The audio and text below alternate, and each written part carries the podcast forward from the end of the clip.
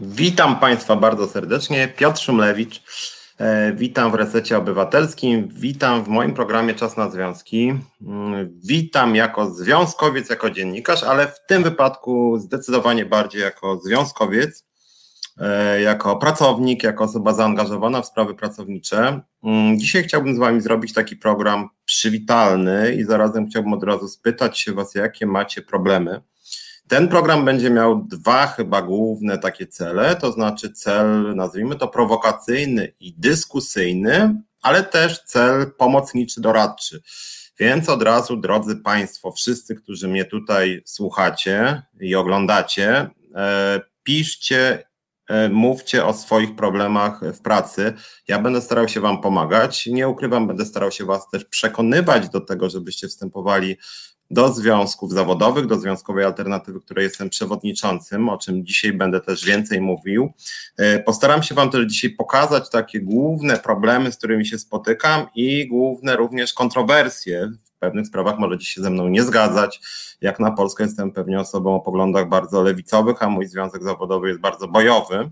Będę Wam starał się tutaj, będę Was przekonywać, że taka właśnie bojowa postawa, zaangażowana, bardzo konsekwentna jest czymś po prostu pozytywnym, co służy ludziom pracy, co służy pracownikom. Widzę, że bardzo wielu z Was się ze mną wita, więc bardzo się cieszę. Nie będę wszystkich tutaj odczytywał, e, więc ja też po prostu Was witam, bo widzę, że się ze mną witacie, więc ja też witam się z Wami. Dzień dobry.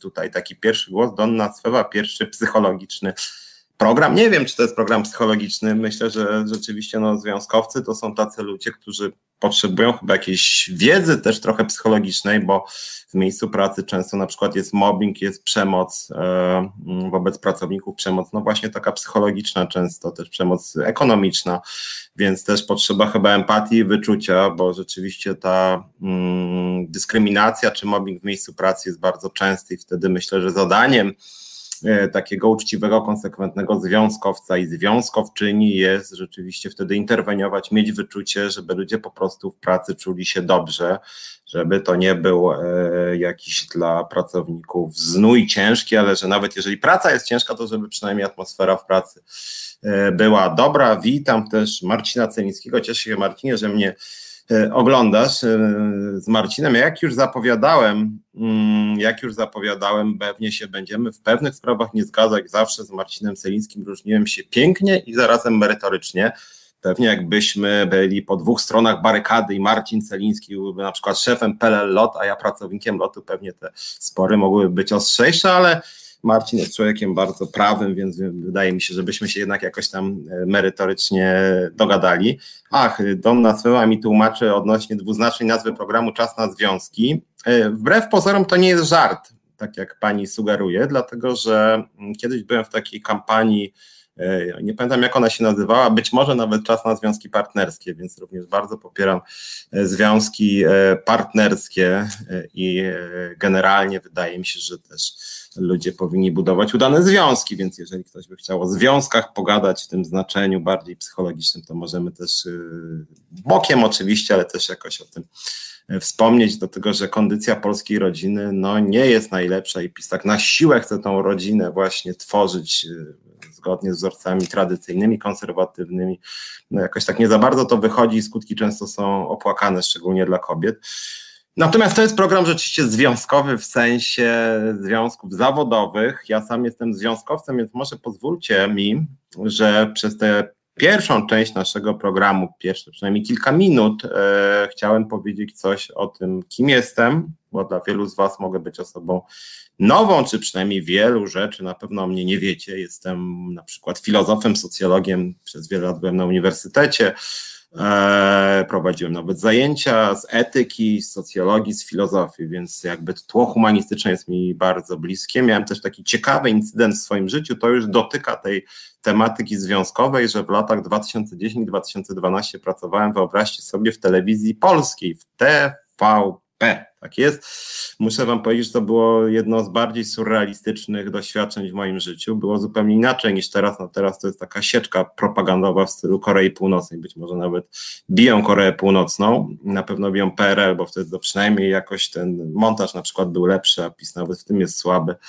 więc TVP jest dzisiaj po prostu dramatem. Ja byłem w czasach innych. W latach, kiedy ja byłem w TVP, to każda partia miała swoją reprezentację w telewizji polskiej te reprezentacje się kłóciły między sobą, były różne bardzo dziwne koalicje, tam bodaj nawet w pewnym momencie na przykład SLD i PiS się dogadywały, miałem tam bardzo dużo dziwnych doświadczeń, nawet wydałem na ten temat książkę Wielkie pranie mózgów, jak ktoś by chciał przeczytać, to zachęcam. Ona już o tyle nie do końca jest aktualna, że jak mówię, PiS rządzi zamordystycznie telewizją, natomiast wtedy rzeczywiście czułem się tak trochę pomiędzy Kawką i Monty Pythonem, bo tam doświadczenia rzeczywiście były bardzo dziwne, począwszy od tego, że zostałem do telewizji zaproszony e, na Facebooku przez osobę bez zdjęcia, której nazwiska w ogóle nie znałem. Napisała mi przyjdź Piotrek, nie proszę pana, tylko przyjdź Piotrek jutro do TVP. Jak się spytałem, po co mam przyjść, będziesz tam pracował. No i tak się moja przygoda zaczęła, więc to taka ciekawostka, jak chodzi o moją pracę w TVP.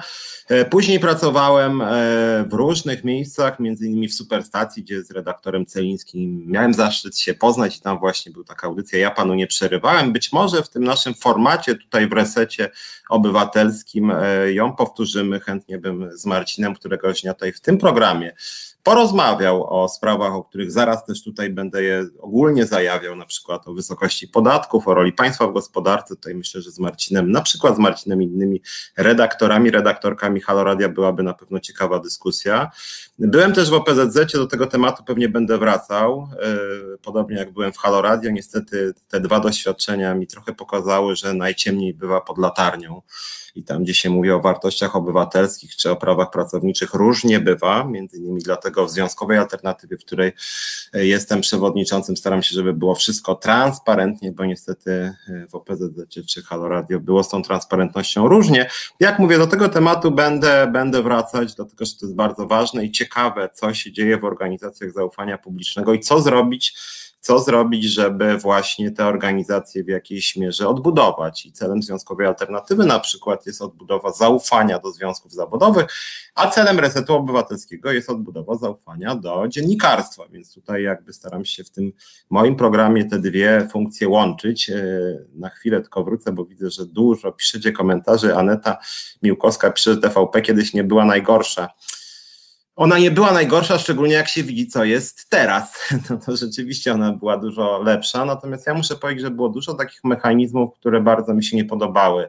To znaczy na przykład wypieranie e, kluczowych problemów, to co jest też dzisiaj, tak, że na przykład odnośnie ubóstwa, wykluczenia społecznego, nierówności społecznych, odnośnie tych tematów, które będę starał się poruszać tutaj e, w e, naszej telewizji, czy odnośnie mobbingu, bardzo trudno z tym się przebić do tych mediów głównego nurtu, niezależnie czy to jest TVP, Polsat, TVN, czy jakieś inne duże media, to są tematy, które media głównego nurtu uważają, że to są tematy nie tak? Tymczasem to są tematy, no trudno mówić o mobbingu, że jest sexy, ale jako temat jest bardzo, bardzo ważna sprawa, która dotyka miliony z nas i naprawdę trochę wstyd, że y, media głównego nurtu o tym bardzo mało mówią, szczególnie media publiczne, które przecież mają wpisaną misję w swoje działania. Więc kiedyś było lepiej, natomiast jak chodzi o właśnie tą misyjność telewizji, to nigdy nie było dobrze. Plus Kiedyś może tutaj o tym coś powiem, jak będziecie zainteresowani. E, było bardzo dużo bardzo dziwnych przygód w TVP i to jest naprawdę takie bardzo kawkowskie miejsce, dziwne. Tam się czujecie jak, jak jakieś dziwne trybiki maszyny, które nie rozumiecie. E, wszystko o was wiedzą, a wy nie wiecie skąd. Taki, jak mówię, taka mieszanka kawki, Monty Pythona, może ABW też trochę, tak? Jest, dużo o tobie wiedzą, ty niewiele, jeszcze próbują cię wykorzystać do jakichś nieznanych tobie celów. Wojtek Joński, problem mam, jeden. Jestem członkiem związku, który fajnie działa i nie daje się dyrekcji. Niestety mamy debila przewodniczącego. Nazywa się Piotr Duda. Kiedyś mówił pan, że powinienem zrezygnować ciężki problem, muszę powiedzieć, bo ja ostatnio faktycznie nawet jakoś tak trochę publicznie, w sensie na Facebooku, skrytykowałem Adrianę Rozwadowską, dziennikarkę wyborczej, którą skądinąd cenię, bo jest dobrą dziennikarką i dużo sensownych rzeczy mówi, między innymi ranką pracy, ale ona należy do Solidarności. Solidarnością jest ten problem, że Solidarność ma strukturę pionową bardzo, to znaczy Piotr Duda jest szefem związku w bardzo mocnym tego słowa znaczeniu, bardzo mocnym, yy, właściwie wszyscy są, że tak powiem, pod nim, wszyscy płacą na niego składki i część składki, której, którą płaci każdy pracownik Solidarności, część tego, duża część idzie na centralę i na Piotra Dudę. Więc jak ja ostatnio się dowiedziałem, że pan Piotr Duda zaapelował do członków związku i członki, żeby bronili kościołów, żeby dołączali do tych bandyckich właściwie jakichś straży narodowców, no to trochę jakby się zadrżałem, no sam nie należę do Solidarności, ale pomyślałem, że ludzie uczciwi, którzy tak, tam są, tacy jak myślę, że pan, czy jak Adriana Rozwadowska, mm, no to jest jakiś dyskomfort chyba, tak, że biorą od was pieniądze, jakieś, nie wiem, tam 4 złote, czy 5, czy ile, i to idzie na jakieś propagandówki pana Piotra Dudy, nie wiem, no każdy powinien sam rozwiązać, bo ja rozumiem, że pana związek fajnie działa. Ja muszę powiedzieć też uczciwie, że znam trochę ludzi z Solidarności, z małych związków, z którymi czasem się dogaduję i wspólnie zgadzamy się, że z wieloma formami wyzysku trzeba skończyć, więc jakby im wyżej, tym gorzej. Zresztą z OPZZ jest to samo. No, straszne kierownictwo moim zdaniem, bardzo niefajni ludzie i moim zdaniem niewiarygodni jako związkowcy, a na dole bardzo dużo zaangażowanych związkowców, pracowników, z którymi chętnie bym wspólne akcje robił no to są trudne wybory, tak mi się wydaje rzeczywiście. Marta Woźniak przypomina, ale to chyba dawne były dzieje. Super Express też kiedyś publikował długie reportaże no kiedyś pewnie tak, teraz już chyba rzadziej. No szkoda się, szkoda, że dzieje się tak, że rzeczywiście jest tak mało w tych mediach też głównego nurtu, nawet jakichś takich działów reporterskich. Ja tu nie chcę uprawiać reklamy, nie reklamować żadnych mediów, natomiast to, co muszę powiedzieć, E, jeden plus odnośnie TVN-u, że czasem na przykład w superwizjerze czy w czarno na białym są fajne materiały, że o ile ta codzienna taka sieczka, jakieś dyskusje rytualne między politykami, wiele tam się człowiek nie może dowiedzieć, to te materiały branżowe, te takie, czy, czy uwaga bodaj w Polsacie chyba, tak? E, Polsat i TVN, szczególnie TVN czasem ma te dłuższe materiały, e, materiały ciekawe. Szkoda, że tego nie ma więcej. Wydaje mi się, że również w programach informacyjnych powinno być więcej na temat właśnie tego, co mówiłem, bezrobocie, rynek pracy, bieda, schorzenia psychiczne związane na przykład z koronawirusem, co się z ludźmi w ogóle dzieje. O tym jest bardzo mało. I szkoda, bo to moim zdaniem są ważne problemy dla ludzi, a niektórym chyba szefom tych największych kanałów się wydaje, że ludzi to nudzi. Nie mają żadnych badań na ten temat, to są jakieś ich fantazje dziwne.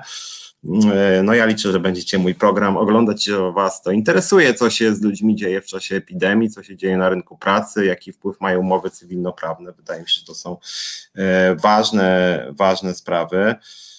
E, Aneta dodaje, że też jest w Solidarności, płacimy ponad dychę składkę. Ha, sporo. To u nas w Związkowej Alternatywie od osób fizycznych jest 10 zł, a związki, które do nas należą, to płacą do centrali 2 zł. To my jesteśmy tutaj mniej od Solidarności. A ktoś też, Łukasz Krysiński, Szumlewicz, Celiński, debata, świetny pomysł, no to już tutaj ja podejmuję rękawice towarzysz Celiński, myślę, że też podejmie któregoś dnia tu się umówimy i porozmawiamy o jakimś takim temacie, w którym się szczególnie nie zgadzamy. Jak chodzi o gospodarkę, rynek pracy, myślę, że znajdzie się trochę takich tematów, gdzie uczciwie się będziemy i gorliwie ze sobą e, nie zgadzać. Ja jestem bardziej socjalistą, e, Marcin jest bardziej liberałem gospodarczym, chociaż nie neoliberałem chyba. Bożena Breczko, a kto wybiera przewodniczącego związku, może po prostu wyrzucić Dudę? Nie da się. E, no, więc jest pierwszy praktyczny wniosek, żeby wyrzucić przewodniczącego Dudę. W pełni popieram i nawet apelowałem w pewnym momencie do członkiń i członków Solidarności, żeby przewodniczącego Dudę przepędzili, bo uważam, że kompromituje i Solidarność, i kompromituje cały związek i ludzi, którzy tam są. Tylko to jest problem, bo ja akurat przeżyłem to w OPZZ i myślę, że w Solidarności jest trochę podobnie. Te e, procedury są w ten sposób dobrane, żeby było trudno wyrzucić przewodniczącego mm, Dudę. Mm, podobnie pewnie jak w OPZZ przewodniczącego Radzikowskiego, czyli jak ktoś coś chce zrobić, to nagle się okazuje, że piętrzą się przed nim e, przeszkody, że gdzieś tam wyleci na jakimś etapie e, awansu do delegatów, którzy wybierają przewodniczącego, to jest raz. A dwa, jeśli już mowa o solidarności, bo to jest ciekawy temat, we mnie szczerze powiedziawszy Piotr Duda budzi w dużej mierze, nie chcę za mocnego słowa użyć, ale obrzydzenie jako związkowiec uważam, że bycie taką, no niekiedy wręcz bojówką rządu to jest wstyd dla związkowca. Nigdy bym sobie na coś takiego nie pozwolił. Jakieś groźby wobec protestujących młodych kobiet. Wybacz Piotrze Dudo, ale jesteś po prostu dzisiaj straszny i kompromitujesz związki, odcinam się od ciebie zdecydowanie. Związki nie powinny takich rzeczy robić. E, Solidarność jest też związkiem narodowo-katolickim, jakimś jednym z nielicznych w Europie chyba związków skrajnie prawicowych. Po prostu związki są instytucjami w całej Europie i większość krajów świata jednak postępowymi. Związki walczą też z dyskryminacją, wykluczeniem, będę więcej o tym mówił, no ale niestety Solidarność, jakbyście otworzyli sobie kiedyś tygodnik Solidarność, no to to jest hardcore. To jest takie TVP BIS, gdzie w ogóle o prawach pracowniczych prawie nic nie ma, żołnierze wyklęci, niech żyje Kościół, niech żyje partia, niech żyje prezes. Nie da się tego czytać po prostu, plus sporo jakichś dyskryminacyjnych tekstów o LGBT, tak, czy kiedyś o uchodźcach, więc to nie jest fajne. Więc wydaje mi się, ale wracając też na chwilę do tego, dlaczego Dudy się nie da wyrzucić, bo wbrew pozorom to jest ważne i ciekawe, szczególnie jak chodzi o przyszłość związków w Polsce. Duda ma popularność, dlatego że Solidarność jest spleciona z rządem i w ramach tej współpracy Solidarność ma konkretne z tego profity. Czyli na przykład w spółkach Skarbu Państwa czasem ludzie z Solidarności trafiają do zarządów czy do rad nadzorczych. Ludzie z Solidarności niekiedy mogą łatwiej awansować, mają różnego rodzaju dodatki. Te działy danej firmy, gdzie jest więcej członków i członkiń Solidarności, na przykład mają wyższe wynagrodzenia. Są takie sytuacje. Więc jest to, jest to partia, jest to związek, który jest tak blisko spleciony z partią, że ma z tego duże profity. No i cóż, no nie chcę brzydkiego słowa użyć, ale jak ktoś się sprzedaje partii, ma z tego profity, to jest wybór, czy chcesz się sprzedać partii, mieć profity, czy wolisz być przyzwoitym człowiekiem i jednak tej partii nie wspierać. Ja nie mówię tutaj o osobach e, u dołu, które nie mają tutaj profity, bo ja wątpię, żeby Adriana Rozwadowska Agorze miała profity z racji przynależności do Solidarności. Agora jest przecież antyrządowa. Natomiast w spółkach Skarbu Państwa jest, ta, jest ten związek. Mm, baju, baj, witanko, galerię od pomiędzy zamknięte lumpeksy jeszcze nie. Panie w lumpeksikach bardzo przyjęte, nie wierzę w pomoc od państwa. E, chciałem e, do tego tematu w ogóle trochę później e, wrócić, bo to jest ciekawy temat, jak w ogóle oceniacie, jak oceniamy lockdown, to co się dzieje na rynku pracy. Mm, dla mnie jako związkowca szczególnie skandaliczne jest to, że rzeczywiście to będzie w ogóle blok w tym naszym programie, że państwo w ogóle nie pomaga pracownikom praktycznie. Znaczy te tarcze, jeżeli już są gdziekolwiek skierowane, to y, na firmy. Oczywiście pracownicy są częścią firm, ale bardzo często w ramach tarczy niestety dopuszcza się sytuację, że firma dostaje pieniądze jakoś sobie poradzi, ale pracownicy sobie nie poradzą i pracownicy stracą pracę. No jeżeli wejdzie taki pełny lockdown, no to wtedy się zaczną sypać i firmy, i pracownicy. I tu ja nie wiem, co rząd zrobi, bo to, co oni wyprawiają ostatnio, to jest totalny bałagan oni wydali ponad 150 miliardów złotych na tą pierwszą tarczę, kiedy sytuacja epidemiczna była znacznie lepsza niż teraz i teraz po prostu nie mają kasy. Więc, więc oni mają kłopot z wprowadzeniem lockdownu, bo po prostu ludzie, firmy, osoby zaczną bankrutować, bezrobocie zacznie błyskawicznie rosnąć, ubóstwo zacznie błyskawicznie rosnąć. Przy okazji jeszcze zaczną się ludzie zgłaszać z wnioskami o jakieś odszkodowania, jak prowadzą lockdown czy jakiś stan klęski żywiołowej. Więc chciałoby się powiedzieć, rządowi nie zazdroszczę, ale chaos i brak profesjonalizmu też jest jakby zdumiewający to, co oni wyprawiają, dlatego że oni nie mają pomysłu, jak walczyć z tym e, kryzysem, jak walczyć z tą epidemią. Ja wam może tylko przypomnę, bo większość z was jednak tego pewnie nie wie, no tam w kilku mediach to szło, ale tak jak mówiłem, takie rzeczy nie są kluczowe dla mediów głównego nurtu. My jako związkowa alternatywa apelowaliśmy o coś, co ja bym nazwał czynną walką z epidemią i kryzysem. To znaczy czynna walka?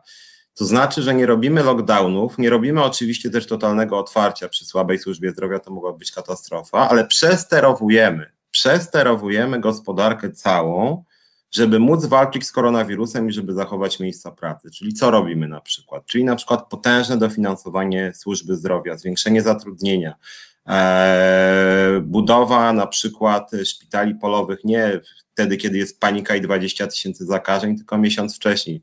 E, zatrudnianie również pracowników e, do informowania społeczeństwa o tym, co się dzieje, żeby ludzie byli spokojniejsi, czyli na przykład, żeby państwo i samorząd przejęły takie funkcje, no po prostu uspokojenia obywateli. Ludzie w ogóle nie wiedzą, co się dzieje, tak? Państwo mogłoby też dystrybuować na przykład środki higieny, tak? I osobom fizycznym, czyli na przykład maseczki, tak? Czy jakieś płyny dezynfekcyjne i firmom. I myśmy jako związek, podkreślam, jako związek, e, zachęcali, żeby państwo na przykład refundowało restauracjom, kawiarniom, salonom kosmetycznym środki higieny właśnie. To są bardzo duże koszty i zamiast rozdawać chaotycznie pieniądze, przeznaczyć właśnie część środków na środek jakby celowa pomoc, tak, że wydajemy, żeby było bezpieczniej, żeby się klienci nie zarażali, żeby odciąć, przy okazji odciążyć trochę te firmy tak z tych kosztów i to byłaby celowa pomoc. Większe bezpieczeństwo pracowników, większe bezpieczeństwo klientów i zarazem niezmarnowane środki. A PiS wydał 150 miliardów złotych. Część tych środków przejęły firmy, które w ogóle pomocy nie potrzebowały. Część teraz będzie musiała te środki zwracać, więc pomoc została przestrzelona, tak? Więc wydaje mi się, że taka aktywna pomoc byłaby znacznie lepsza. Przez aktywną pomoc mam na myśli też to, że jeżeli dzisiaj szpitale są w jakiejś panice, jest w ogóle straszny tam też dramat, biegają wszyscy, jest niedobór personelu. W związku z tym na przykład można byłoby e, e, połączyć funkcjonowanie szpitali i urzędów publicznych, szczególnie w czasach takiego zbliżającego się lockdownu, na przykład z tym, żeby dajmy na to restauracje czy kawiarnie E, w ramach zamówień publicznych przekazywały posiłki dla instytucji publicznych i dla instytucji służby zdrowia, tak? Żeby nawet w tym kierunku iść. Mamy teraz bardzo dużo różnego rodzaju schorzeń psychicznych. Ludzie się boją, ludzie są w panice. Tymczasem w ogóle państwo nie myśli o jakiejś pomocy psychologicznej i psychiatrycznej. W ogóle nie istnieje pomysł, żeby się czymś takim zająć. Więc wydaje mi się, że żeby państwo w ten sposób właśnie uruchomiło taki odgórny program inwestycji publicznych na gigantyczną skalę. Proszę, wydawajmy pieniądze, ale dzięki temu byśmy utrzymali poziom zatrudnienia, musiały powstawać wręcz nowe miejsca pracy. Jak ja słyszę, że w środku epidemii, czy no narasta ta epidemia, nie w środku w ogóle, tak, na zbliżającym się szczycie, znowu zamykamy urzędy, zamykamy co się da, to zamiast państwo wziąć na siebie ciężar walki z kryzysem, państwo się wycofuje. Ja to pamiętam, wtedy akurat wymieniałem mieszkanie, próbowałem załatwić różne papiery, e, jak była ta pierwsza fala, to był szok. Ja jestem, jak wiecie, znacie mnie, dosyć pewny siebie, bezczelny. W związku z tym, jak na przykład moi rodzice nie mogli sobie załatwić tam różnych papierów związanych z przeprowadzką, to ja po prostu mówiłem, szanowni państwo, muszę to załatwić. Moi rodzice przez ePUAP nie mogą, akurat nie, mój ojciec nie ma tego, pomóżcie. I, w momencie, kiedy ja zacząłem pyskować, no dobra, to już panu ulegniemy. Ale jak przychodziła osoba starsza, która nie była tak bezczelna i asertywna jak ja, no to już odchodziła po prostu smutna i po prostu no, nie załatwiała sprawy. Więc ja uważam, że w takiej trudnej sytuacji urzędy tym bardziej powinny funkcjonować, oczywiście z wszelkimi higienicznymi zabezpieczeniami. Akurat jak byliście na przykład nie wiem, w ZUS-ie, dajmy na to, czy w Urzędzie Miasta, to tam akurat są, jest możliwość, żeby rzeczywiście to było robione zdrowo i bezpiecznie. Więc ja jestem zdziwiony, że że polskie państwo no jakby nie dba w ogóle o to. Zagadałem się trochę, a wy tu bardzo, bardzo dużo rzeczy yy, mi piszecie, więc może wrócę, żeby tak spróbuję, spróbuję yy, przebiec. Yy, Ewka Marchewka, cieszę się, że jednak gdzieś mogę pana posłuchać. No, ja też się cieszę, że pani mnie może słuchać, a ja mogę panią. E, czytać. Paweł Krzysztof Kołodziej, u nas Solidarność idzie teraz na wojnę z prezydentem miasta. To znaczy czasem te lokalne Solidarności rzeczywiście robią e, fajne rzeczy, jak mówiłem na dole, ale na pytanie Andrzeja Lemiesza, czy Solidarność jest związkiem niezależnym, odpowiadam nie. Jest związkiem bardzo bliskim rządowi. Teraz trochę pyskuje przy okazji Gowina z tego względu, że po prostu Solidarność woli twarde jądro PiSu, a Gowin jest dla nich troszeczkę obcy i stąd te spory. Więc oni by woleli, na przykład Czarnka to już bardzo lubią, prawda? a Gowina niekoniecznie. E, Donna Swewa, najważniejsze, że kościoły pozostaną otwarte, pracownicy mogą iść się pomodlić. Ja z tymi kościołami to nie kumam, szczerze powiedziawszy. Znaczy, tu powinny być jakieś e, uniwersalne regulacje rzeczywiście, żeby, no jeżeli zamykamy siłownie, e, jeżeli wprowadzamy jakieś restrykcje w wielu instytucjach, jeżeli zamykamy szkoły, no to chyba kościoły powinny podlegać dokładnie temu samemu reżimowi nie ma logiki w tych działaniach rządu. Znaczy, logika jest taka, że Kościołowi lepiej się nie narażać, lepiej, żeby Kościół na tacy trochę, trochę więcej zebrał. Robert Wężyk szlak mnie trafia, że ludzi się zostawia z dnia na dzień bez dochodu. No mnie też szlak trafia, właśnie dlatego jestem między innymi związkowcem. Takich patologii jest bardzo dużo. Jak nie ma koronawirusa, jak jest koronawirus, to ten szlak trafia razy 100 ze swojej strony mogę tylko powiedzieć, no zapraszam do związkowej alternatywy. Staramy się pomagać, jak ludzie tracą pracę i dochód. Staramy się też pomagać, bo większość tych, którzy traci z dnia na dzień pracę, to są ludzie na umowach cywilnoprawnych, prawie zawsze bezprawnych. E, o tym jeszcze dzisiaj postaram się z Wami pogadać, co są dzisiaj umowach cywilnoprawnych. Moim zdaniem się okazało, e, koronawirus to pokazał, że, e, że teraz okazuje się, że umowy cywilnoprawne nie działają właśnie w takich trudnych sytuacjach, tak? Nagle się okazuje, że można człowieka z dnia na dzień się pozbyć i nie dość, że jest koronawirus, to jeszcze ludzie po prostu tracą dochód, więc to, e, to rzeczywiście nie wygląda dobrze. Mateusz Noga pyta e, retorycznie, komu to państwo pomaga. No ryzykowi na pewno pomaga. Znaczy ja nie chcę też, jestem związkowcem, też mam wiedzę o budżecie, to też nie jest tak, że państwo jakby totalnie nie działa. No mamy jakąś służbę zdrowia, mamy system szkolnictwa, mamy wydatki na różne dziedziny e, życia społecznego, natomiast PiS rzeczywiście dokonał bezprecedensowego przesunięcia środków na różne idiotyczne wydatki. Idiotyczne, używam mocnego słowa, ale wydawanie na jakąś propagandę, jakieś jakieś fundacje, fundusze narodowe, jakieś, jakieś y, kampanie ryzyka, jeszcze przeznaczanie z Funduszu Sprawiedliwości na jakieś organizacje ryzyka, kiedy ryzyk, pomijając to, że jest dosyć wstrętnym typem, nie ma po prostu o tym zielonego pojęcia. I to nie idą kwoty rzędu, nie wiem, 200 tysięcy, tylko kwoty istotne budżetowo. Czy wydaje się 70 milionów na wybory, których nie ma? Wydaje się 100 milionów na respiratory, których jeszcze nie ma. No to to są suma summarum, to idą setki milionów. Czy wydaje się miliardy na Kościół katolicki? To już są miliardy. Jak to wszystko zsumować, to już nie jest kwota rzędu, nie wiem, tam mówię 2 miliony nieważna budżetowo, tylko to już są kwoty idące w dziesiątkach miliardów złotych, a rocznie budżet jest około 400 miliardów, czyli to jest duży procent budżetu, za to naprawdę by można coś fajnego zrobić ze służbą zdrowia, ze szkolnictwem, z budżetówką, tak? Marzanna Teopielicka, tak zwany tygodnik Solidarność również ma poziom tak rynsztokowy, że bardzo mu pasuje skrótowa nazwa Tysol, bo to prawie jak łysol, jak prymitywny kibol, homofobiczny, mizoginiczny, pisowski ściek.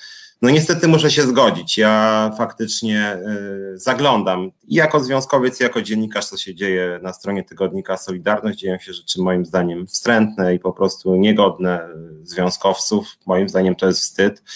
E, przypominam kolegom i koleżankom Solidarności, tym u góry, że również w kodeksie pracy są zapisy antydyskryminacyjnie. Tak, drodzy koledzy i koleżanki, głównie koledzy tam są antydyskryminacyjne. Mówi się o zakazie dyskryminacji kobiet, zakazie dyskryminacji ze względu na orientację seksualną, między innymi na pochodzenie.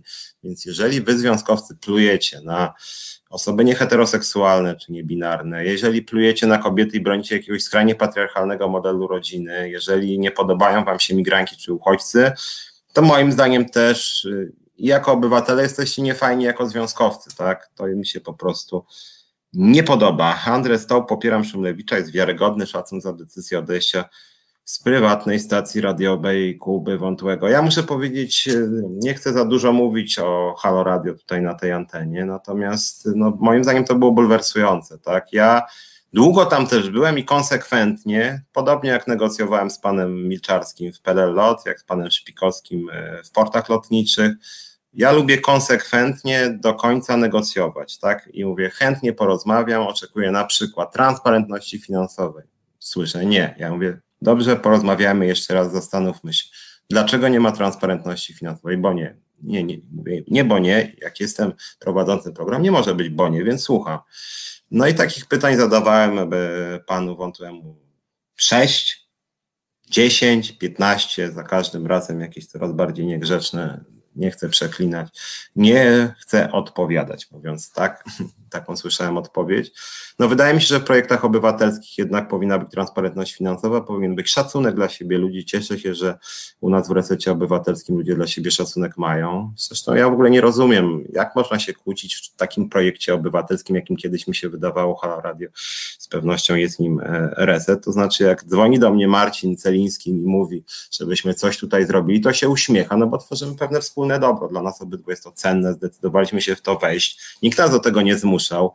W związku z tym się dziwię, że też w Halo Radio była tak fatalna atmosfera i to też mnie dziwiło bardzo, że ludzie coś robią i nagle ktoś się wyłania, jakiś pan szefu i pokazuje wszystkim, gdzie jest ich miejsce. To nie jest moim zdaniem dobre podejście. Podobnie Związek Zawodowy jest organizacją dobrowolną, więc w Związkowej Alternatywie jak ktoś wstępuje, to my wszyscy staramy się być dla siebie mili, a jak już jest jakieś nieporozumienie, to wyjaśniamy, bo to jest organizacja dobrowolna, w związku z tym po prostu o tym Rozmawiamy. Robert Wężyk, przed chwilą czytałem, że 500 plus nauczycielom chcą dać na zakup materiałów. Z czego? Znaczy teraz są różne dziwne plotki e, i niekiedy to nie są plotki, ale być może to się okazać prawda, bo budżet się po prostu sypie i będą tak zwane przesunięcia środków. 500 plus to moim zdaniem e, zostanie, to 500 plus podstawowe w programie, natomiast mogą dać 500 nauczycielom, żeby ich uciszyć, bo Czarnek ich bardzo obraził. Później się dowiemy, że na przykład pocztowcom zabrali 500 zł. Pocztowcy się wkurzą, to oddadzą pocztowcom i zabiorą na przykład, y, nie wiem, metalowcom albo komuś jeszcze innemu. No i tak to rzeczywiście wygląda. Słuchajcie, zróbmy może króciutką przerwę i zaraz wracamy. Reset Obywatelski działa dzięki Twojemu wsparciu. Znajdź nas na zrzutka.pl. Słuchasz Resetu Obywatelskiego. Witam. Piotr Szumlewicz w Resecie Obywatelskim. Czas na związki, czas na postępowe związki zawodowe. Czas na zmianę związków zawodowych, czas na organizację pracowników, żeby walczyli o swoje interesy, o swoje cele. Mm, witam Was. Dzisiejszy program jest y, pierwszy, wprowadzający, dlatego taką formułę przyjąłem. Mam nadzieję, że Wam się podoba, że dzisiaj jest tak, jakby staram się bardzo interaktywnie z Wami, dlatego y, czytam Wasze wasze listy, wasze komentarze i się do nich odnoszę. E, tak trochę bez planu, bo sam sobie przygotowałem różne notatki, chciałem mówić o tym, mm, e, co, o czym bym chciał rozmawiać tutaj, jakie są cele związkowe alternatywy, ale jeżeli rzeczywiście tych komentarzy jest dużo, to jestem tu po to, żeby się odnosić do nich. Natomiast oczywiście piszcie też, jak widzicie ten program, jak byście chcieli, żeby on wyglądał, czy bardziej mam z wami E, rozmawiać, czy bardziej mam tutaj właśnie jak z katedra wykłady robić. Ja wolę interaktywnie oczywiście, od przyszłego tygodnia myślę, że będę tutaj zapraszał różnych gości i gościnie, e, więc będziemy rozmawiać ze związkowcami, będziemy rozmawiać z ekspertami, niekiedy właśnie z adwersarzami, że na przykład porozmawiam sobie ze wspominanym Marcinem Celińskim i innymi osobami też o bardziej liberalnych, a niekiedy może nawet e, gospodarczo konserwatywnych e, poglądach. Donna Swewa śniło się mi dzisiaj, że minister zdrowia podał się do dymisji. Znaczy ja powiem tak, ten minister zdrowia wydawał się takim technokratą, a sprawnym, a teraz mam wrażenie, że okazuje się, że jest trochę bezradny, tak? To znaczy to wszystko jest jakieś nieskoordynowane, nieprzygotowane, jakieś nagłe decyzje, prawda, tu zamykamy cmentarze, tu restauracje, tu w ogóle wyłączamy połowę gospodarki, ludzie w ogóle nie rozumieją o co chodzi, na przykład z tymi cmentarzami. Ja jestem związkowcem, jestem od tego, żeby bronić ludzi pracy, ale to ja akurat się no, zgadzam z tymi handlarzami, tak, którzy przed cmentarzami chcieli posprzedawać trochę kwiatów czy zniczy. No, kto to zapowiada? Zamknięcie cmentarzy, na 6 godzin przed tym, jak ludzie chcieli na nie przyjeżdżać, tak? Więc to jakieś w ogóle było, a wszyscy wiedzieli, że będzie rosła liczba zakażeń, więc jest jakiś skrajny brak profesjonalizmu.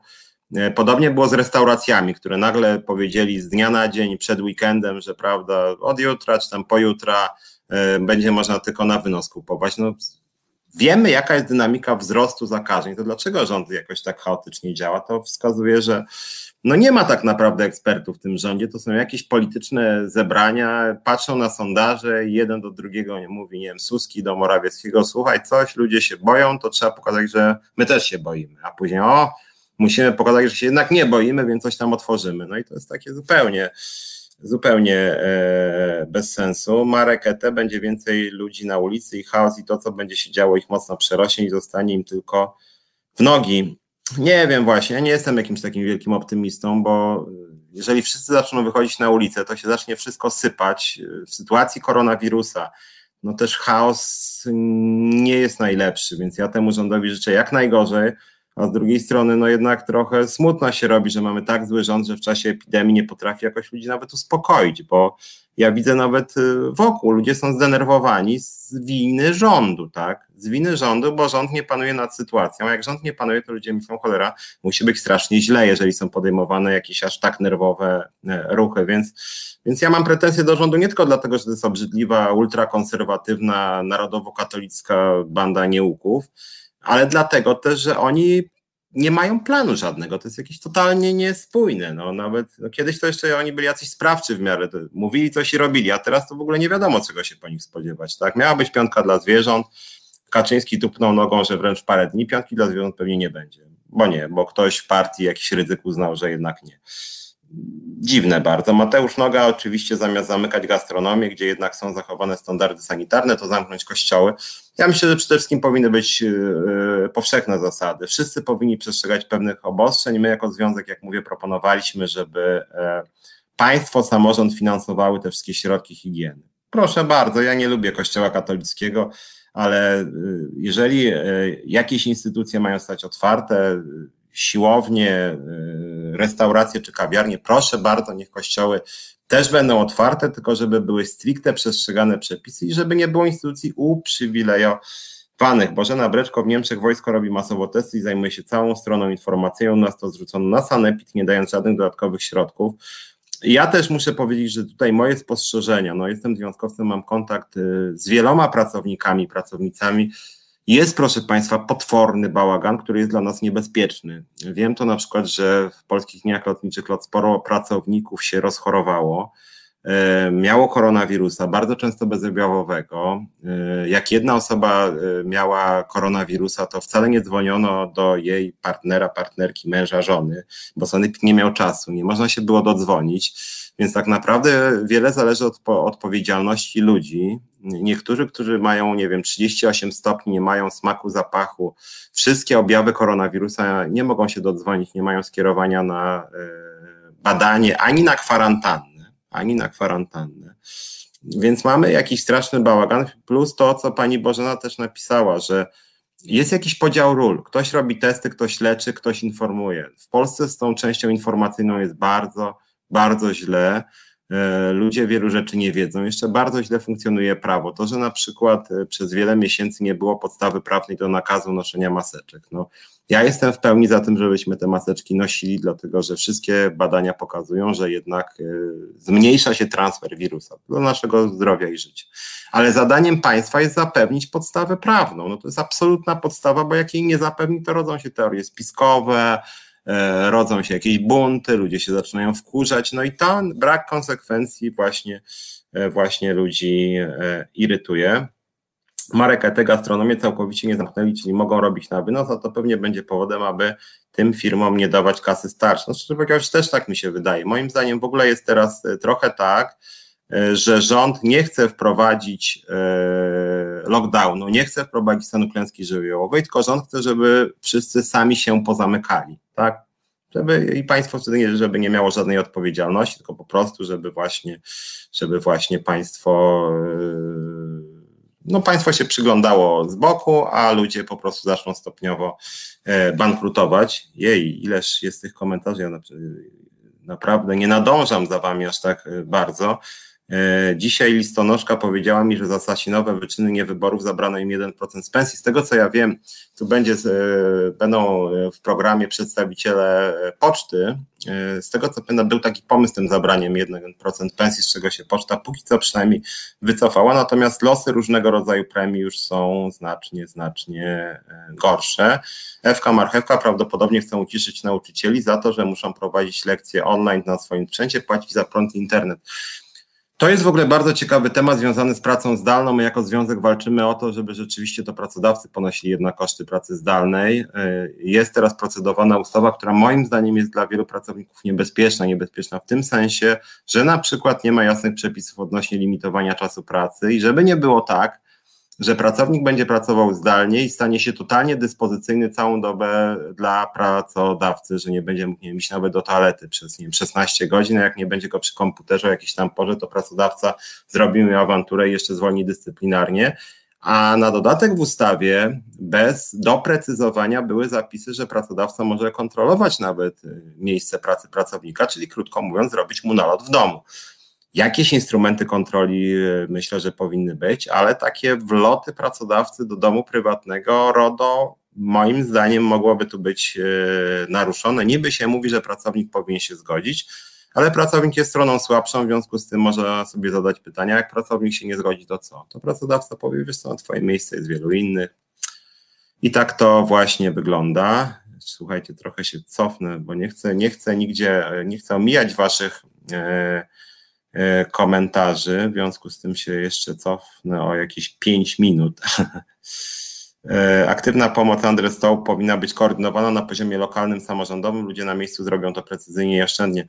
Ja się zgadzam, tylko cały problem polega na tym, że generalnie tego typu działania polega, muszą polegać na ścisłej koordynacji między państwem i samorządem. A w związku z tym, że PiS samorządu nie cierpi, że PiS samorządem gardzi, e, że PiS e, generalnie chce rządzić wszystko centralnie, no to no to jest tak, że rząd podejmuje różne chaotyczne działania, wręcz zabiera samorządom pieniądze, później samorządy nie wiedzą, co z tym, jak działać, jak się w tym odnaleźć, bo nie mają środków i rodzi się totalny chaos. Więc gdybyśmy mieli poważną władzę centralną, to wtedy ta władza by współpracowała z samorządem po prostu, a nie się z nim siłowała i zabierała mu y, pieniądze. W związku z tym, no cóż, no, nie wygląda to najlepiej. I teraz wracam już w drugą stronę. E, Aneta Miłkowska, duże pieniądze powinny być skierowane na służbę zdrowia również, a tu 300 limuzyn kupują. No rzeczywiście, znaczy ja jestem zdumiony, że to jest chyba jednak pierwszy rząd, który na dużą skalę uprawia taką, no na bezczela, mówiąc kolokwialnie, tak? Bo za platformy było tak, że jak złapali tam kilku z platformy na oś jedzeniu ośmiorniczek, to ludzie się wkurzyli, że co to jest w ogóle, że policy jedzą ośmiorniczki, a ci po prostu wydają sobie 100 ton ośmiorniczek albo 1000 ton ośmiorniczek i luz. Kupimy sobie limuzyny, wydamy na wybory, które się nie odbędą 70 milionów, respiratory, których nie będzie, wyrzucimy 200 milionów i luzik, co za problem. W końcu jest trudny czas, nie ma problemu. I ta arogancja władzy, muszę powiedzieć, że tego się aż nie spodziewałem tej skali, bo to jest skala idąca już miliardy po prostu, że to nie jest przekręt na 10 tysięcy, chociaż też byłby naganny i w Szwecji pewnie minister, który tam była sprawa kiedyś, że minister kupił jakieś, nie zapłacił jakiegoś podatku chyba od jakichś rybek za 10 zł, czegoś takiego i, i stracił pracę, a w Polsce 70 milionów i nie traci pracy, żadnego postępowania, prokuratura umarza, wszystko jest w najlepszym porządku, więc to jest rzeczywiście, to jest rzeczywiście szokujące. Eee, Wolf teraz w urzędach nie ma już nikogo od obrony cywilnej. Znaczy ja myślę, że urzędy są dzisiaj niestety w stanie chaosu i naprawdę przydaliby się jacyś profesjonalni urzędnicy, którzy by przyjęli jakiś model funkcjonowania. To co mówiłem, jakbyście poglądali sobie obrazki, nawet z Chin, gigantyczny kraj, generalnie ma regiony dużo biedniejsze niż Polska, to tam na przykład środki BHP, y, informowanie po prostu wszystkich wszędzie, urzędnicy, którzy stali przy blokach, żeby nadzorować, jaką ludzie mają temperaturę, regularne czyszczenie dokładnie wszystkiego, ulic, domów, środków komunikacji. E, podobnie w Japonii, podobnie w części krajów Europy Zachodniej, no a w Polsce jest po prostu bałagan i to jest rzeczywiście, myślę, tutaj e, najgorsze. E, Andres Taub, e, wielu młodych emerytów wojskowych można by wykorzystać za niewielkie pieniądze. Znaczy musi być jakiś pomysł, musi być rzeczywiście jakaś wizja e, walki z epidemią, walki z kryzysem i po prostu, po prostu nie ma w związku z tym oczywiście nie tylko młodzi emeryci wojskowi, ale na przykład jest bardzo dużo młodych ludzi, którzy stracili dzisiaj pracę w restauracjach, w kawiarniach, przy rozdawaniu ulotek, to są tysiące, dziesiątki tysięcy młodych ludzi, E, czy jak chodzi o e, emerytów, część emerytów na przykład dorabiała sobie e, i dorabia sobie w ochronie, ale teraz dużo z nich traci pracę. W związku z tym, jak mówię, państwo mogłoby mieć pomysł, co zrobić, żeby tych ludzi na nowo zagospodarować oczywiście bezpiecznie, tak?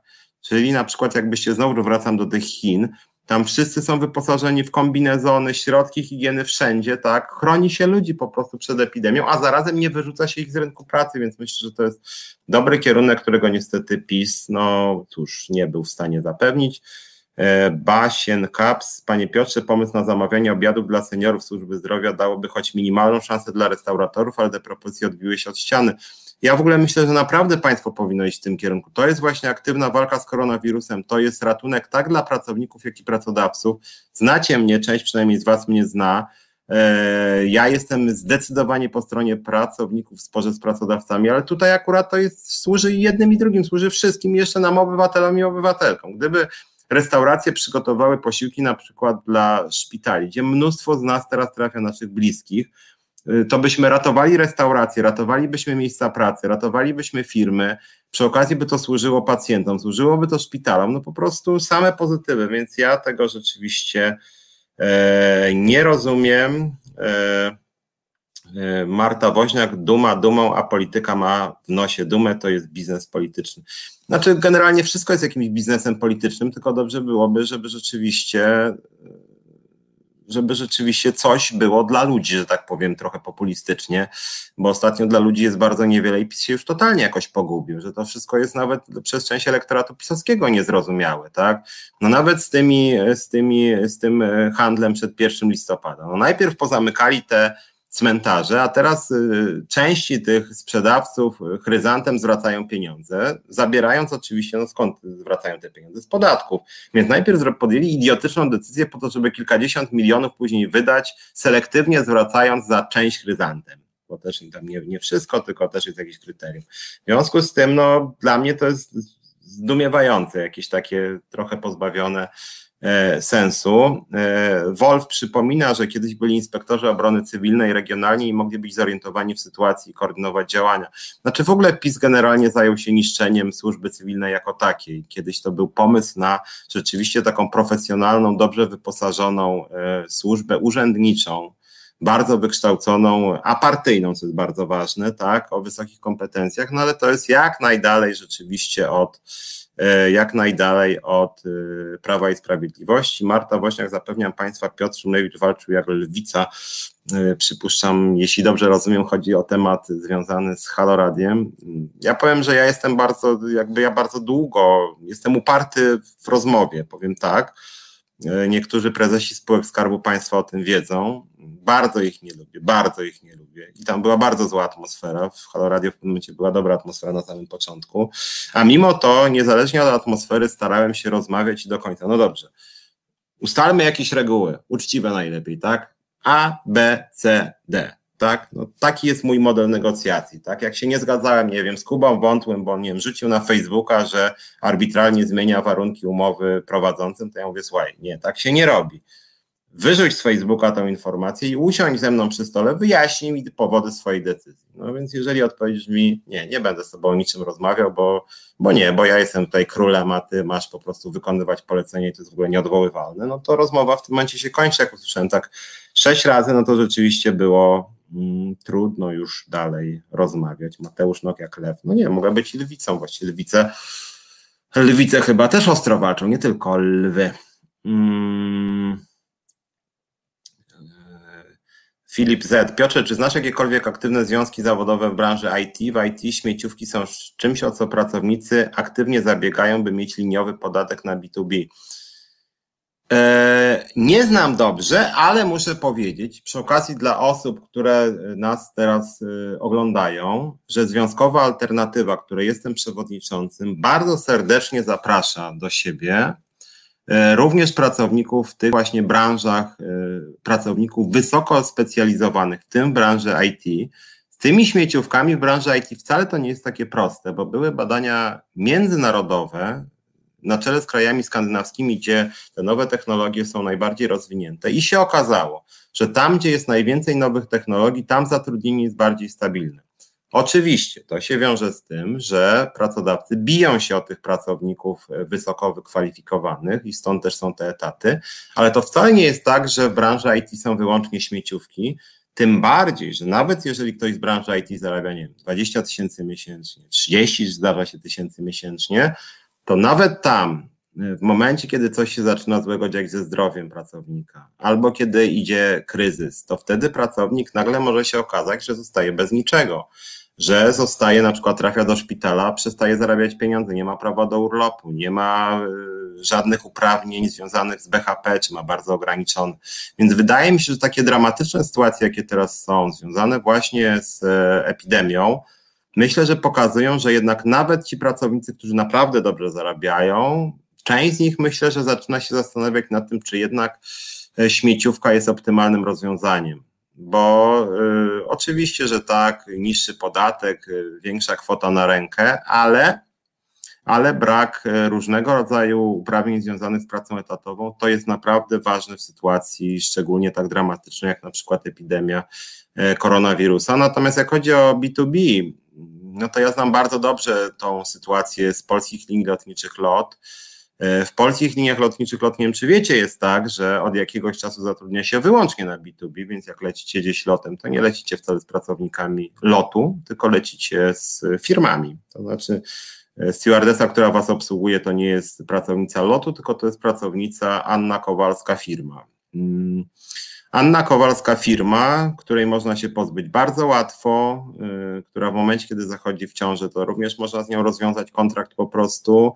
Jak się rozchoruje, to niestety może się z nią firma pożegnać, więc wydaje mi się, że to, to nie są jednak komfortowe umowy. Znaczy, śmieciówki generalnie rzecz biorąc są chwalone przez ludzi zazwyczaj młodych i zdrowych. Jak coś się zaczyna dziać, to nagle, o kurczę, no nie do końca fajnie to wygląda. I tak to właśnie jest. A to, że e, ludzie wybierają, wolą śmieciówki czasem niż etaty, argumentując, że zapłacą niższe podatki. To jest patologia polki, polskiego systemu składkowo-podatkowego, bo w Polsce tak sobie wymyślił w pewnym momencie rządzący jeden z drugim, że będą niższe koszty pracy przy zatrudnieniu na śmieciówkach, tak? Czy jak pracuje dzieło, zlecenie, samo zatrudnienie to jest znacznie niższy koszt niż mamy etat, co jest samo w sobie moim zdaniem patologią i tu Was zaskoczę.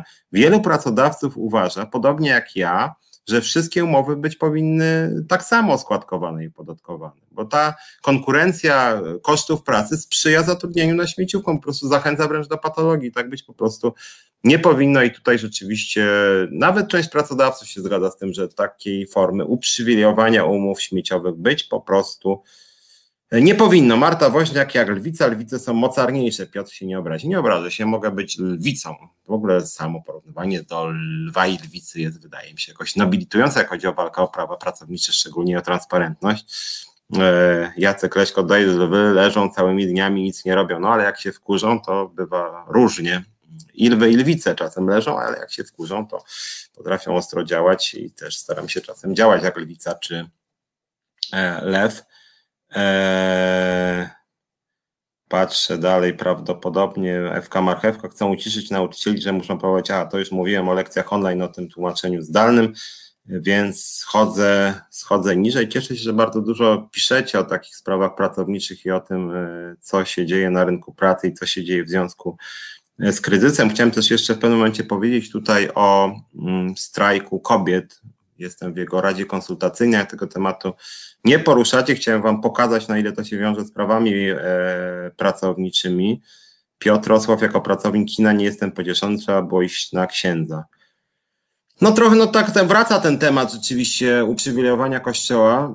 Ja Wam powiem tak, jak chodzi o Kościół. Mnie bulwersuje nawet nie to, że księża jakoś tam, nie wiem, zarabiają pieniądze, że mają jakieś tam fuchy. Mnie wkurza to, że Kościół jest po pierwsze instytucją strasznie nietransparentną, totalnie nietransparentną i tutaj niestety, podobnie jak wspominany przeze mnie OPZZ, czy wspominany przeze mnie Kuba Wątły, tutaj z ryzykiem są pewne podobieństwa, e, Brak transparentności jest koszmarny. Ja na antenie naszej tutaj resetu obywatelskiego będę bardzo zachęcał do transparentności finansowej, jawności płac, jawności finansów nie mam nic do ukrycia, nie boję się, nie mam luksusowych bryk, a nawet, a jakbym miał, to bym mógł wam pewnie powiedzieć, z czego ona się wzięła.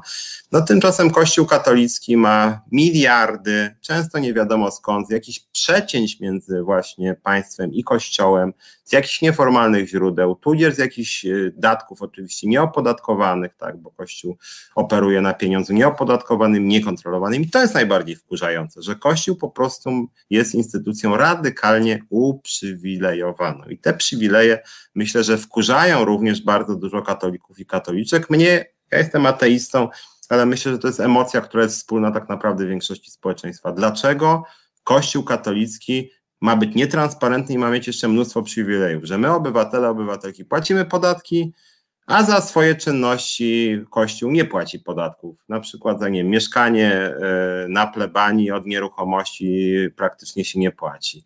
Różne czynności typu chrzciny się nie płaci. Różne handle dewocjonaliami się nie płaci. Większość czynności związanych z funkcjonowaniem e, Kościoła e, nie ma, że tak powiem, związku z systemem podatkowym. To jest świat równoległy po prostu.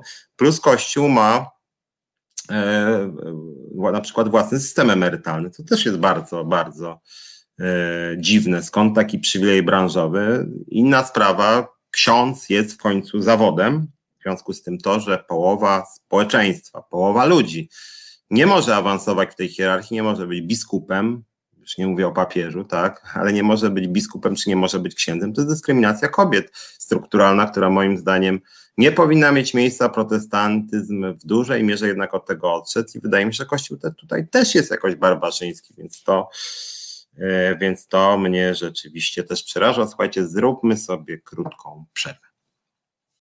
To jest Reset Obywatelski. Tworzymy go razem. Dołącz do nas na YouTube, Facebooku i Twitterze. No i wracamy.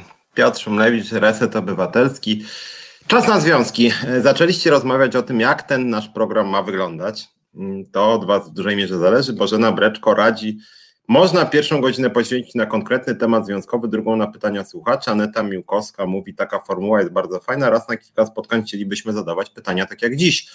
Przyznam, że, e, że czuję się jakoś bardzo miło, że ten program naprawdę jest bardzo obywatelski, bo tak dużo pytań to chyba nigdy komentarzy nie czytałem w żadnym programie, w którym brałem udział. Aż mi się tak przypomniało, że Putin robi co pewien czas jakieś takie zloty, gdzie chyba on z 8 godzin cała sala tysiące czy tam setki przynajmniej ludzi zadają mu pytania. Ja tak sobie myślę, że na przykład Jarosław Kaczyński nigdy na coś takiego się nie zdecydował. E, to by właśnie było fajne, gdyby tak, no ciężko byłoby 8 godzin gadać, ale takie rzeczywiście totalnie otwarte formuły rozmowy polityków ze społeczeństwem, moim zdaniem są fajne bardzo. I się dziwię, że Polska jest tak mało, mało jest takich form działalności tego typu właśnie, bo ja na przykład bardzo lubię e, rozmawiać tak jak z wami teraz rozmawiam, że zadajemy sobie dowolne pytania, ja staram się nie ukrywać niewygodnych e, pytań czy trudnych e, i rzeczywiście myślę, że dobrze byłoby, żeby też polscy politycy, może podpowiada, Drodzy politycy, odpowiadajcie na pytania, bo politycy lubią przekazywać przekaz dnia, tak zwany, i czego by się nie zapytało, spytam się o ubóstwo, to oni mi zaczną mówić o tym, że nie wiem, że rząd nawalił z epidemią, a spytam y, rządu, to rząd mi powie, jak spytam o ubóstwo, że mają wielki sukces, bo nie wiem co, bo wybudowali y, szpital polowy na Narodowym, tak? No i to jest taka zabawa właśnie. Więc myślę, że rzeczywiście dobrze jest po prostu rozmawiać merytorycznie i i, cieszę się, że tak dużo z Was zadaje pytania. Andrzej Stołk pisze, jak tak dalej, to przyjdzie nam poprosić o pomoc w obronie obywateli przeciwko COVID Jurka Owsiaka, dramatyczna niekompetencja ze strony władzy. W pełni się zgadzam i muszę też Wam powiedzieć, że mm, kiedyś się spierałem e, o Jurka Owsiaka, bo miałem dosyć krytyczne podejście nie tyle do samego Owsiaka, co o to, że niektórzy moim zdaniem go przeceniali, sugerując, że Owsiak rozwiąże nam problemy służby zdrowia, Owsiak ratuje życie i tak dalej. Ja zawsze mówiłem, pamiętajmy o tym, że to są jednak mikroskopijne kwoty w porównaniu z NFZ-em, że służba zdrowia przede wszystkim jest państwowa i powinna być państwowa i cały czas tak uważam. Tylko widząc teraz, co wyprawia ten rząd, to muszę ze smutkiem powiedzieć, że rzeczywiście się nagle okazuje, że takie inicjatywy, które są w gruncie rzeczy bardzo mikroskopijne, jak chodzi o całość funkcjonowania państwa, jak Jurka Owsiaka, no stają się rzeczywiście w niektórych miejscach e, ratunkiem, co jest właściwie bardzo smutne, bo one nie powinny mieć znaczenia w demokratycznym państwie, bo zgodnie z konstytucją państwo zapewnia dostęp do służby zdrowia, szkolnictwa i tego typu obszarów życia społecznego, a tymczasem w Polsce państwo niestety się troszkę sypie. Znaczy, skala tej dezorganizacji jest naprawdę bardzo daleka, więc to jest rzeczywiście bardzo smutne po prostu. Dla mnie bardzo smutne, szczególnie też mam e, e, no, rodziców, którzy no, są w wieku, który może ich bardziej narażać na przykład na koronawirusa niż większość społeczeństwa, więc też mają prawo się bać i państwo tak niezbyt zdaje egzamin, jak bardzo trudno się nawet dodzwonić do lekarza i strach, strach dzisiaj zachorować nie tylko na koronawirusa, ale właściwie na cokolwiek. Mirko Milecz pisze, że do Piotrosława dobrze, że nie zostałeś księdzem, niedługo będą się wstydzić wychodzić gdziekolwiek w sutannach. A to akurat jest bardzo ciekawe. To jest program związkowy, co prawda, ale mm, ciekawi mnie socjologicznie to, że faktycznie, nie wiem, czy zwróciliście uwagę, na tych protestach, no, które od kilkunastu dni trwają na masową skalę, rzeczywiście jest bardzo ostry antyklerykalny głos, którego chyba nigdy nie było w ogóle w historii E, może nie w historii Polski, ale przynajmniej w ciągu ostatnich 30 lat czy 40. Ja osobiście, no już 10 lat temu, prawie 8 lat temu, 10 e, lat temu wydałem książkę Niezbędnik ateisty, 8 lat temu Ojciec Nieświęty o Janie Pawle II krytycznie i wtedy ja w pewnym momencie uchodziłem za jednego z największych antyklerykałów e, w Polsce, a teraz się okazuje, że tysiące młodych ludzi naprawdę potrafią bardzo ostro, asertywnie księdzu powiedzieć rzeczy, których no nie chciałbym tutaj mówić na antenie, bo w mediach nie przeklinam, tak? Więc, więc rzeczywiście coś zostało przekroczone, że dzisiaj faktycznie trochę wstyd być księdzem z racji tego, co po prostu Kościół robił i robi wobec szczególnie kobiet, ale również jeśli chodzi o różne przekręty finansowe, ukrywanie pedofilów. Więc wydaje mi się, że rzeczywiście, że rzeczywiście to jest cenna uwaga, chociaż trochę żartobliwa. Donna Sfeła, czy w rządzie nie ma fachowców, czy oni po prostu nie słuchają fachowców. Znaczy ja myślę, że w różnych instytucjach wokół rządowych fachowcy jednak są. Część z nich PiS wyrzucił, ale są, tylko nie słuchają. To wszystko wygląda tak, jakby się spotykał, nie wiem, Dworczyk z Morawieckim, Kaczyńskim, nie wiem, czy Sasinem e, i, i coś tam radzą. I, I, fachowcy nawet mówią z jakiejś tam rady, że słuchajcie, to nie należy zrobić, ale oni to mają w nosie. Oni patrzą bardziej na sondaże, a ostatnio się po prostu pogubili. Więc wydaje mi się, że E, że, że to jest e, jakaś taka ignorancja i arogancja, arogancja polskiej władzy. Warto na przykład porównać to ze Szwecją, gdzie od kilkunastu tygodni, właściwie od samego początku, nie od kilkunastu tygodni, e, decyzje odnośnie koronawirusa strategicznie podejmują epidemiolodzy, instytucje, które są w ogóle pozarządowe, apolityczne, i rządowi to nie przeszkadza, a co ciekawe, tego nie kwestionuje nawet większość opozycji. To znaczy, ja nie mówię, że szwedzka strategia walki z koronawirusem jest idealna, tam popełniono sporo błędów i między innymi dlatego wiele osób e, zmarło e, z powodu koronawirusa w domach pomocy społecznej, co było błędem też w polityce funkcjonowania samorządów, temat na dłuższą dyskusję.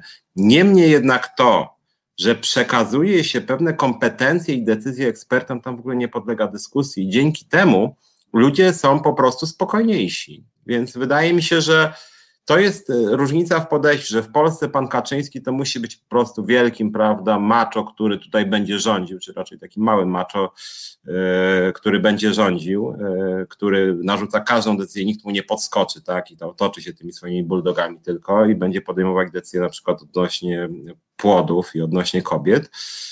Natomiast rzeczywiście w krajach zachodnich to inaczej funkcjonuje, tak? To znaczy rzeczywiście odnośnie szczególnie takich obszarów jak służba zdrowia czy edukacja, no są jednak grona eksperckie. Oczywiście, że eksperci się różnią, no ale na przykład pan Czarnek, no nie wiem jak go określić, żeby to pasowało do niego, ale jego eksperckość, no to to jest jakaś kpina, to jest człowiek, który, chciałem powiedzieć głupi kolokwialnie, no nie chcę używać jakichś niegrzecznych sformułowań, ale to jest człowiek, który nie ma zielonego pojęcia o szkolnictwie, nic na ten temat nie wie. Nie wiem, czy on w ogóle wie, że istnieje Polska Akademia Nauk na przykład. E, nie wiem, czy on ma jakikolwiek pomysł poza cenzurą, bo odkąd jest ministrem, to właściwie głównie zajmuje się grożeniem, a to wykładowcom, a to nauczycielom, a to dzieciom, e, a to sugeruje, żeby wciskać gdzie się da jakieś encykliki Jana Pawła II i to jest cały jego wkład e, do nauki i szkolnictwa, więc to jest po prostu, myślę, że żenujące. Natomiast moim zdaniem, jak chodzi o Czarnka, to, no, to jest, ono jest jakby zbyt prymitywny nawet jak na PiS, więc myślę, że on jednak zostanie e, zdymisjonowany, bo to jest trochę za dużo i nawet prawicowi czy konserwatywni wykładowcy i nauczyciele no, mają takie poczucie obciachu, zażenowania, że ktoś taki rządzi szkolnictwem i nauką, który nie ma zielonego pojęcia o nauce i szkolnictwie i chce tylko cenzurować, prześladować, karać, grozić. No, to jest najgorsze, co może naukę spotkać, to taki mały dyktatorek, na dodatek jeszcze skrajnie konserwatywny i fundamentalistycznie przywiązany do dogmatów katolickich. Gdyby on miał narzucać rzeczywiście konsekwentnie przez lata to, co on mówi, no to no, polska nauka, no, to byłoby po prostu chyba koniec nauki, to byłoby jakieś absolutne e, dno. E, no najgorsze, że ten rząd wszystko robi na ostatnią chwilę i chaotycznie bez jakiegokolwiek przygotowania odnośnie COVID-u. No ja też właśnie właśnie o tym myślę, tak samo jak Wolf tu uzupełnia, zaczyna się od przepływu informacji między instytucjami.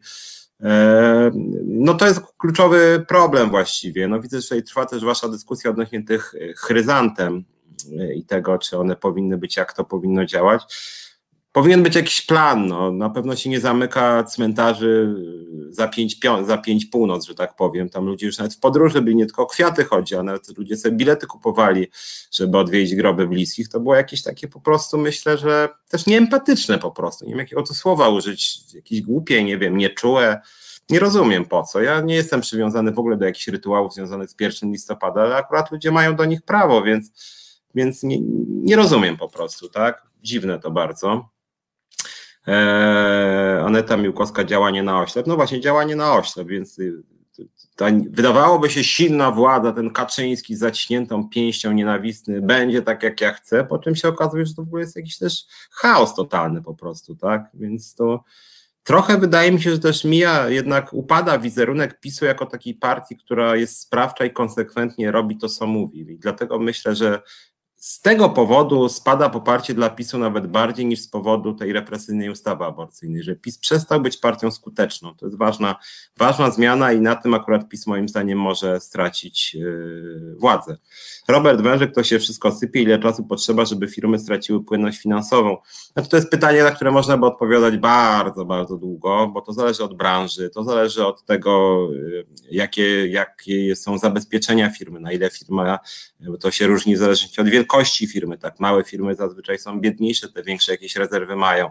To zależy od tego, czy są jakieś perspektywy wyjścia z kryzysu, czy nie. Tak? Jeżeli by lockdown się utrzymywał, no to na przykład y, branża restauracyjna szybko dosyć upadła. Na przykład ja jestem z Warszawy. Warszawa jest bogatym miastem, jednym z najbogatszych w Polsce, jeśli nie najbogatszym.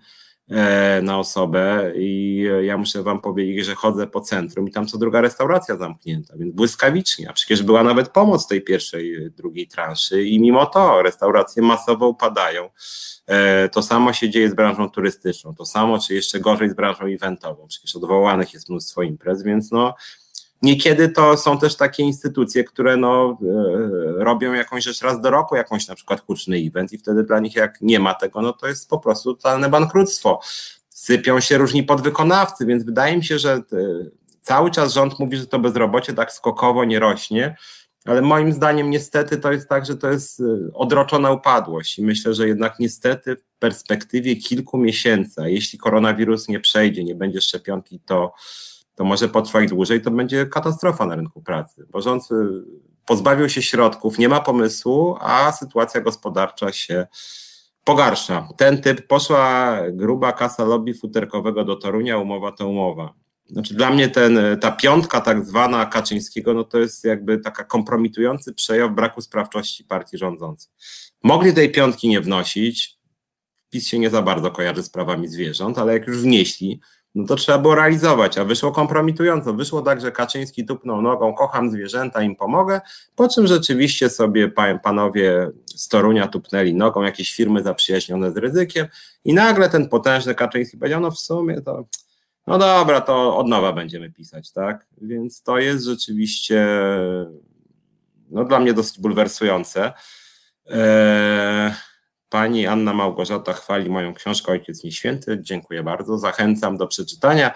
Y, o, o, tyle czuję się y, komfortowo, jak chodzi o tę książkę, że ona już wyszła w 2012. Ja wtedy bardzo ostro krytykowałem w niej Jana Pawła II. I to, co jest w tej książce dzisiaj, coraz bardziej się przebija. Wtedy pamiętam, ukazała się w gazecie wyborczej recenzja między innymi tej książki w której było napisane, że ja mam dużo złej woli, że ja po prostu jakoś tak źle życzę Kościołowi. W ogóle nie było zderzenia się z merytorycznymi zarzutami o ukrywanie przez y, Wojtyłę e, pedofilii, o współpracę z krwawymi dyktatorami, o ukrywanie przekrętów finansowych, o skrajny konserwatyzm, ja, nawet jak na Kościół katolicki Jana Pawła II, więc E, tutaj rzeczywiście cieszę się, że ta książka wtedy wyszła i że ona właściwie teraz staje się coraz bardziej aktualna, bo też coraz więcej osób mówi e, tym językiem. Zróbmy może sobie króciutką przerwę.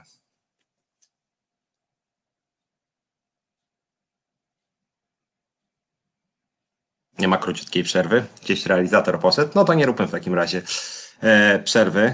Chciałem Już zrobić. Możemy zrobić przerwę, jeśli chcesz. Nie, nie róbmy przerwę, bo ja wam powiem od razu, jak już zacząłem, dlaczego chciałem zrobić króciutką przerwę. Otóż chciałem zrobić króciutką przerwę, dlatego że tak strasznie mi nagle dużo wybuchło waszych komentarzy, że chciałem sobie je przez chwileczkę e, przez chwileczkę je uporządkować, ale nie musimy robić tej przerwy, jak już wam to powiedziałem, to po prostu będę teraz przeglądać na, e, na wizji, więc jak mam taki wzrok tutaj rozbiegany trochę, to znaczy, że patrzę E, co wy piszecie i staram się, e, że tak powiem, cofnąć do punktu, w którym e, komentowałem, bo nie chcę też omijać waszy, waszych komentarzy, ale jest ich tak dużo, że chyba nie wszystkich nie przeczytam. Jarek Surma, Kościół rzymskokatolicki powinien być zlikwidowany, organizacje przestępcze się likwiduje, nie opodatkowuje. Znaczy trudno byłoby udowodnić przestępczemu, przestępczego charakteru pewnie. Moim zdaniem, e, ja powiedziałem, są ludzie, którzy chodzą w Polsce do kościoła, nie mają prawa chodzić do kościoła, są osoby wierzące, natomiast wydaje mi się, że kościół po prostu powinien być traktowany tak samo jak każda organizacja pozarządowa, powinien tak samo płacić podatki. Przestępcy w, e, w obrębie kościoła katolickiego powinni być tak samo karani jak wszyscy inni przestępcy. Kościół nie powinien być mieć przywilejów w zakresie tworzenia prawa, tworzenia podstaw programowych, na przykład e, w szkole. Więc wydaje mi się, że tutaj chodzi po prostu o to, żeby Kościół był traktowany dokładnie tak samo jak wszystkie inne organizacje, i wydaje mi się, że wtedy też znacznie by osłabł Kościół katolicki, bo gdyby też wyszła na światło dzienne mm, wiedza o różnego rodzaju nieprawidłowościach w obrębie Kościoła, to prawdopodobnie wtedy też Kościół by jeszcze, jeszcze więcej stracił. Natomiast mamy rzeczywiście teraz e, taki przełomowy okres, bo Kościół naprawdę traci zaufanie.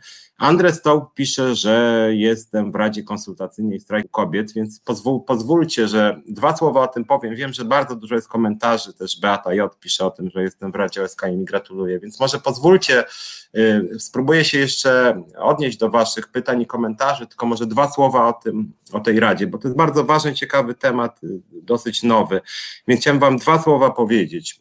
Mm. Przede wszystkim e, dużo narosło różnego rodzaju nieporozumień wokół tej rady. Część osób krytykuje, że tam są mężczyźni, część krytykuje, że tam są osoby starsze, a powinny być tylko młodsze. Moim zdaniem y, ta rada mogłaby być i będzie szersza. Wydaje mi się, że dobrze byłoby, żeby w niej było też więcej y, na przykład socjologów czy osób zajmujących się metodologią badań. Dlaczego? Dlatego, że ta rada to nie jest jakaś awangarda strajku kobiet. Zresztą źle by się stało, gdyby sobie y, szefowe, że tak powiem, ogólnopolskiego strajku kobiet wskazały sobie jakieś grono tutaj rewolucjonistów prawdziwych, bardziej prawdziwych niż ci, którzy chodzą na ulicę. Ja codziennie chodzę na ulicę i protestuję przeciwko temu barbarzyństwu antyaborcyjnemu, e, ale nie roszczę sobie pretensji. To przede wszystkim rzeczywiście dotyczy kobiet. Ja tutaj jako związkowiec po prostu w pełni popieram jako człowiek, jako obywatel te protesty nie cierpię rzeczywiście rządu Prawa i Sprawiedliwości. Chcę, żeby po prostu ich przegnać, zdymisjonować wszystkich tych ministrów, prezydentów, prezesów pisowskich. E, również jestem zdecydowanie za osłabieniem roli Kościoła katolickiego radykalnie. E, natomiast wracając do tej rady, ta rada jest przede wszystkim radą taką konsultacyjno-analityczną. Co to znaczy? To znaczy, że my jako ta rada dostajemy tysiące komentarzy, na przykład nawet tutaj, e, nawet na tym forum, które teraz czytam, tysiące komentarzy i my jako rada te komentarze czytamy, analizujemy je i staramy się wyodrębnić, e, czego chcą rzeczywiście te setki tysięcy protestujących. Czy e, i, i, i chcemy te głosy, te hasła ubrać w konkretne postulaty, tak? Wiemy oczywiście, i tu nie trzeba pogłębionych badań, że protestujący, nie chcę przeklinać, nie lubią bardzo tego, co robi Prawo i Sprawiedliwość i Kościół katolicki odnośnie aborcji i co robi Trybunał.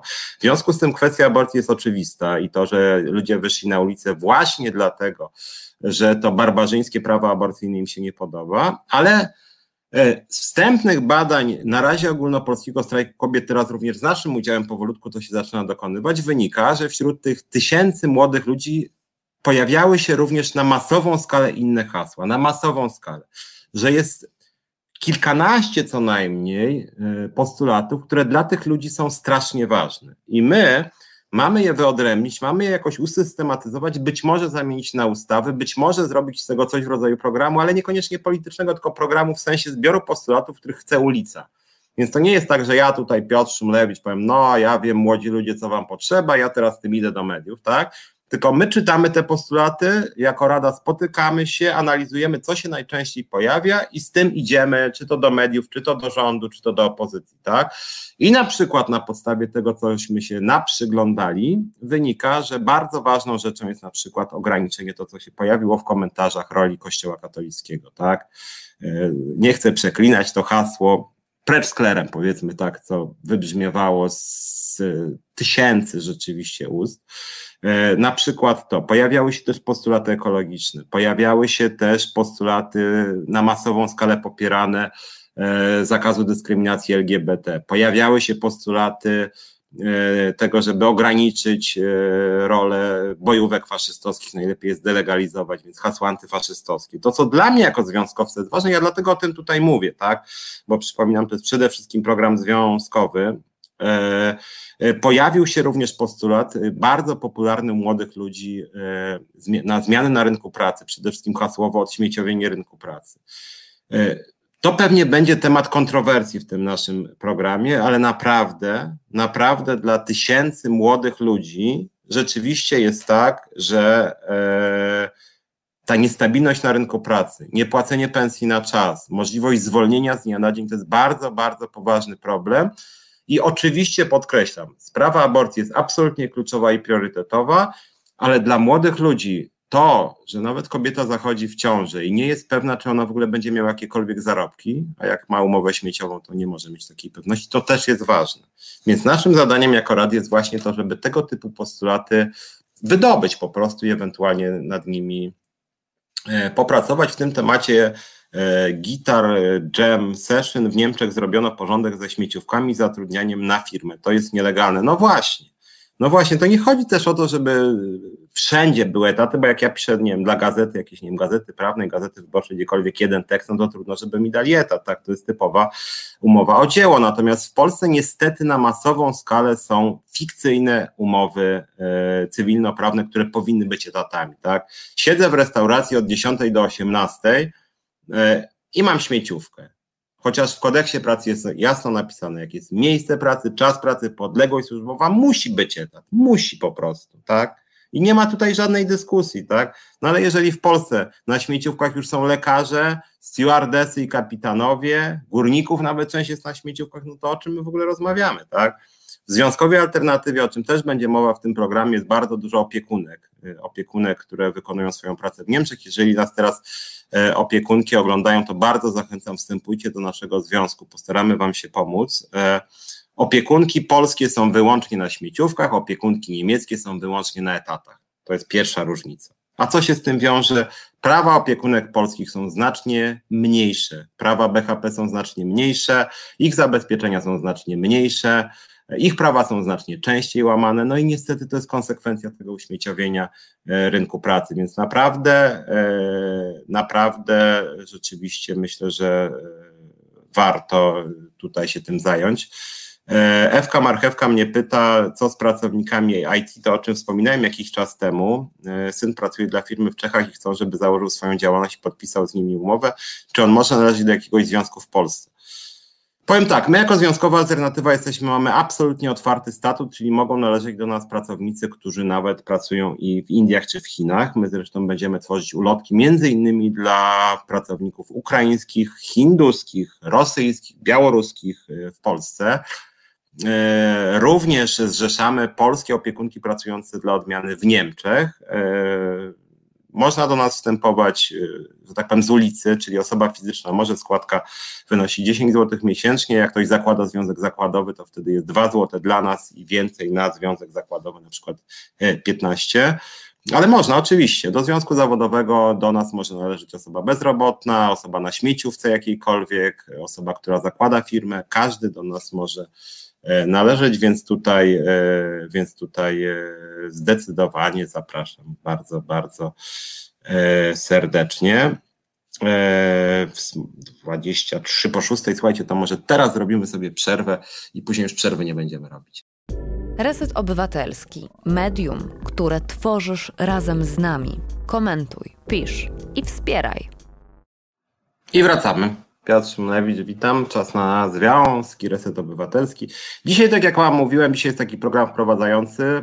Zgodnie z tym, co kilka osób już napisało, tak, żeśmy się wstępnie dogadali, że co pewien czas będziemy sobie robić taką audycję właśnie, że będę z Wami po prostu rozmawiać.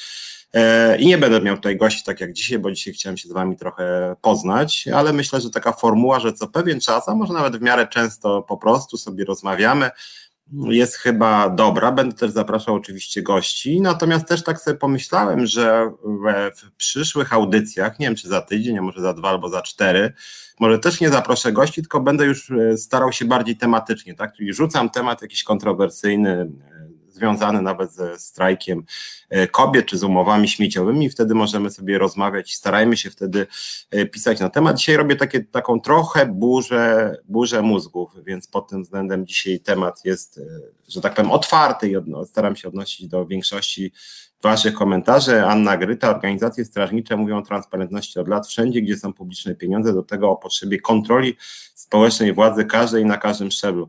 Czy dokładnie tak? Moim zdaniem rzeczywiście daleko posunięta transparentność, również transparentność konkursów, e, e, jasno sformułowane kryteria konkursowe na wszystkich szczeblach władzy publicznej, również w spółkach Skarbu Państwa. E, surowe wymogi, na przykład też bezpartyjności, e, jasne kryteria, właśnie powtarzam, kompetencji. Tych kompetencji niestety jest coraz mniej PiS rzeczywiście na poziomie nawet ustaw e, zwalczał i zwalcza wymogi kompetencyjne i rzeczywiście bardzo zepsuł jakość polskich urzędników. Więc z jednej strony chodzi o partyjniactwo, ale z drugiej strony chodzi po prostu o bardzo niskie wymogi.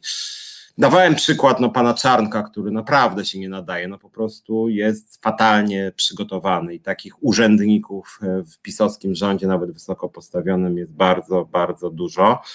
E, Mieciu Sobota, Jezus jak robił rewolucję 2000 lat temu, zapomniał o prawach kobiet, albo jego naśladowcy zapomnieli. Czytam ten wpis e, nie tylko dlatego, że dzisiaj mamy taką burzę mózgów, ale czytam to też jako związkowiec, bo czy Jezus pamiętał, trudno powiedzieć, 2000 lat temu z prawami kobiet było cienko. Po dwóch tysiącach lat naśladowcy Chrystusa mogliby już o prawach kobiet trochę pamiętać, a oni o nich chyba tym bardziej zapomnieli. Natomiast czytam to jako związkowiec, bo dla nas jako związkowej alternatywy bardzo ważne są prawa kobiet również na rynku pracy i nasz wkład e, w ogólnopolski strajk kobiet to jest też próba takiego wniesienia merytorycznego wkładu odnośnie właśnie równości kobiet i mężczyzn na rynku pracy. Również wybrzmiewały i wybrzmiewają te głosy na protestach kobiety rzeczywiście domagają się tego, żeby nie były dyskryminowane, że one nie życzą sobie takiego modelu, że oto PiS im, nie wiem, rzuci tysiaka, a one mają wypadać z rynku pracy i siedzieć w domu, tak? A jak jeszcze będzie zdeformowany płód, to nawet dostaną dwa tysiaki. I tak, siedźcie w tym domu, y, macie donosić ten płód, później y, zajmować się ciężko chorym dzieckiem do, do jego śmierci, później, później znowu zajść w ciążę, i tak sobie przesiedzieć w domu, a państwo wam dorzuci tysiaka, dwa, a jak dobrze pójdzie, to nawet i cztery. To jest niestety model skrajnie konserwatywny, skrajnie niesprawiedliwy, skrajnie nieegalitarny, który nie zakłada w ogóle łączenia ról zawodowych i rodzinnych kobiet i mężczyzn, bo PiS oczywiście broni tradycyjnego modelu rodziny, że facet ma pracować, facet ma się realizować e, w polityce, na rynku pracy, ma zarabiać, a kobieta ma zajmować najpierw dziećmi, a później wnukami również kobiety mają zajmować się seniorami e, w domu schorowanymi. W związku z tym rola kobiety jest de facto w tym modelu poza rynkiem pracy. Dlatego Polska jest jednym z tych nielicznych krajów w Unii Europejskiej, gdzie rzeczywiście rozziew między aktywnością zawodową e, kobiet i mężczyzn gigantyczny. Gigantyczny. Niestety powoli zbliżamy się do 20% różnicy, tak? 20 prawie procent, 17 obecnie mężczyzn więcej jest aktywnych zawodowo niż kobiet i 20 prawie procent y, mężczyzn niż kobiet więcej pracuje. To są dane, to, to jest jedna z wielu miar niesprawiedliwości na rynku pracy, bo ja staram się Wam pokazać, że rząd gotuje piekło kobietom nie tylko, chociaż to jest bardzo ważne, odnośnie zakazu aborcji, ale też gotuje piekło, bo przyjmuje model, w którym kobiety właśnie mają tylko siedzieć w domu i zajmować się e, dziećmi, wnukami, e, starszymi osobami schorowanymi, bo jeżeli na przykład chodzi o opiekę senioralną w Polsce instytucjonalną, która jest bardzo rozwinięta w wielu krajach Unii Europejskiej, to w Polsce jej praktycznie nie ma. Tak? Jeżeli ktoś chce, żeby państwo się zaopiekowało starszą, ciężko schorowaną osobą, to musi zapłacić na przykład 5 tysięcy e, złotych e, miesięcznie. W krajach zachodnich jest bardzo rozwinięta infrastruktura państwowa i o to moim zdaniem chodzi. A w Polsce PiS mówi rodzina, tak, rodzina, trzeba się zajmować rodziną. W praktyce to oznacza, że kobiety zajmują się dziećmi, wnukami, e, sędziwymi rodzicami. Kobiety. Mężczyźni w tym czasie mają się realizować zawodowo i to jest właśnie ta polska rodzina, w której w ogóle prawa e, kobiet się e, praktycznie nie liczą. Więc to rzeczywiście, tam chyba było też pytanie, teraz już nie pamiętam gdzie, ale ono było merytoryczne i chciałem się do niego odnieść odnośnie tego, co sądzę o niepłaceniu, o tym zerowym picie dla młodych ludzi do 26 roku życia. To jest temat ciekawy, natomiast szczerze powiedziawszy, jestem przeciwko. To znaczy, jak już wyczuliście z tego, co ja mówię, ja jestem przeciwko jakimkolwiek formom dyskryminacji, a to jest moim zdaniem pewna forma, nazwijmy to ageizmu w systemie podatkowym, że mam 24 lata, to nie płacę PIT, a mam 28, to płacę. Nie rozumiem. To znaczy, moim zdaniem, e, młodzi ludzie w Polsce mają naprawdę trudną sytuację na rynku pracy i zadaniem państwa, zadaniem państwa jest zrobić wszystko, aby ta sytuacja się poprawiła, aby e, ich zatrudnienie nie było śmieciowe, aby lepiej zarabiali, aby nie byli wyzyskiwani, aby ich czas pracy był zgodny z kodeksem pracy, żeby nie pracowali dłużej niż 40 godzin tygodniowo.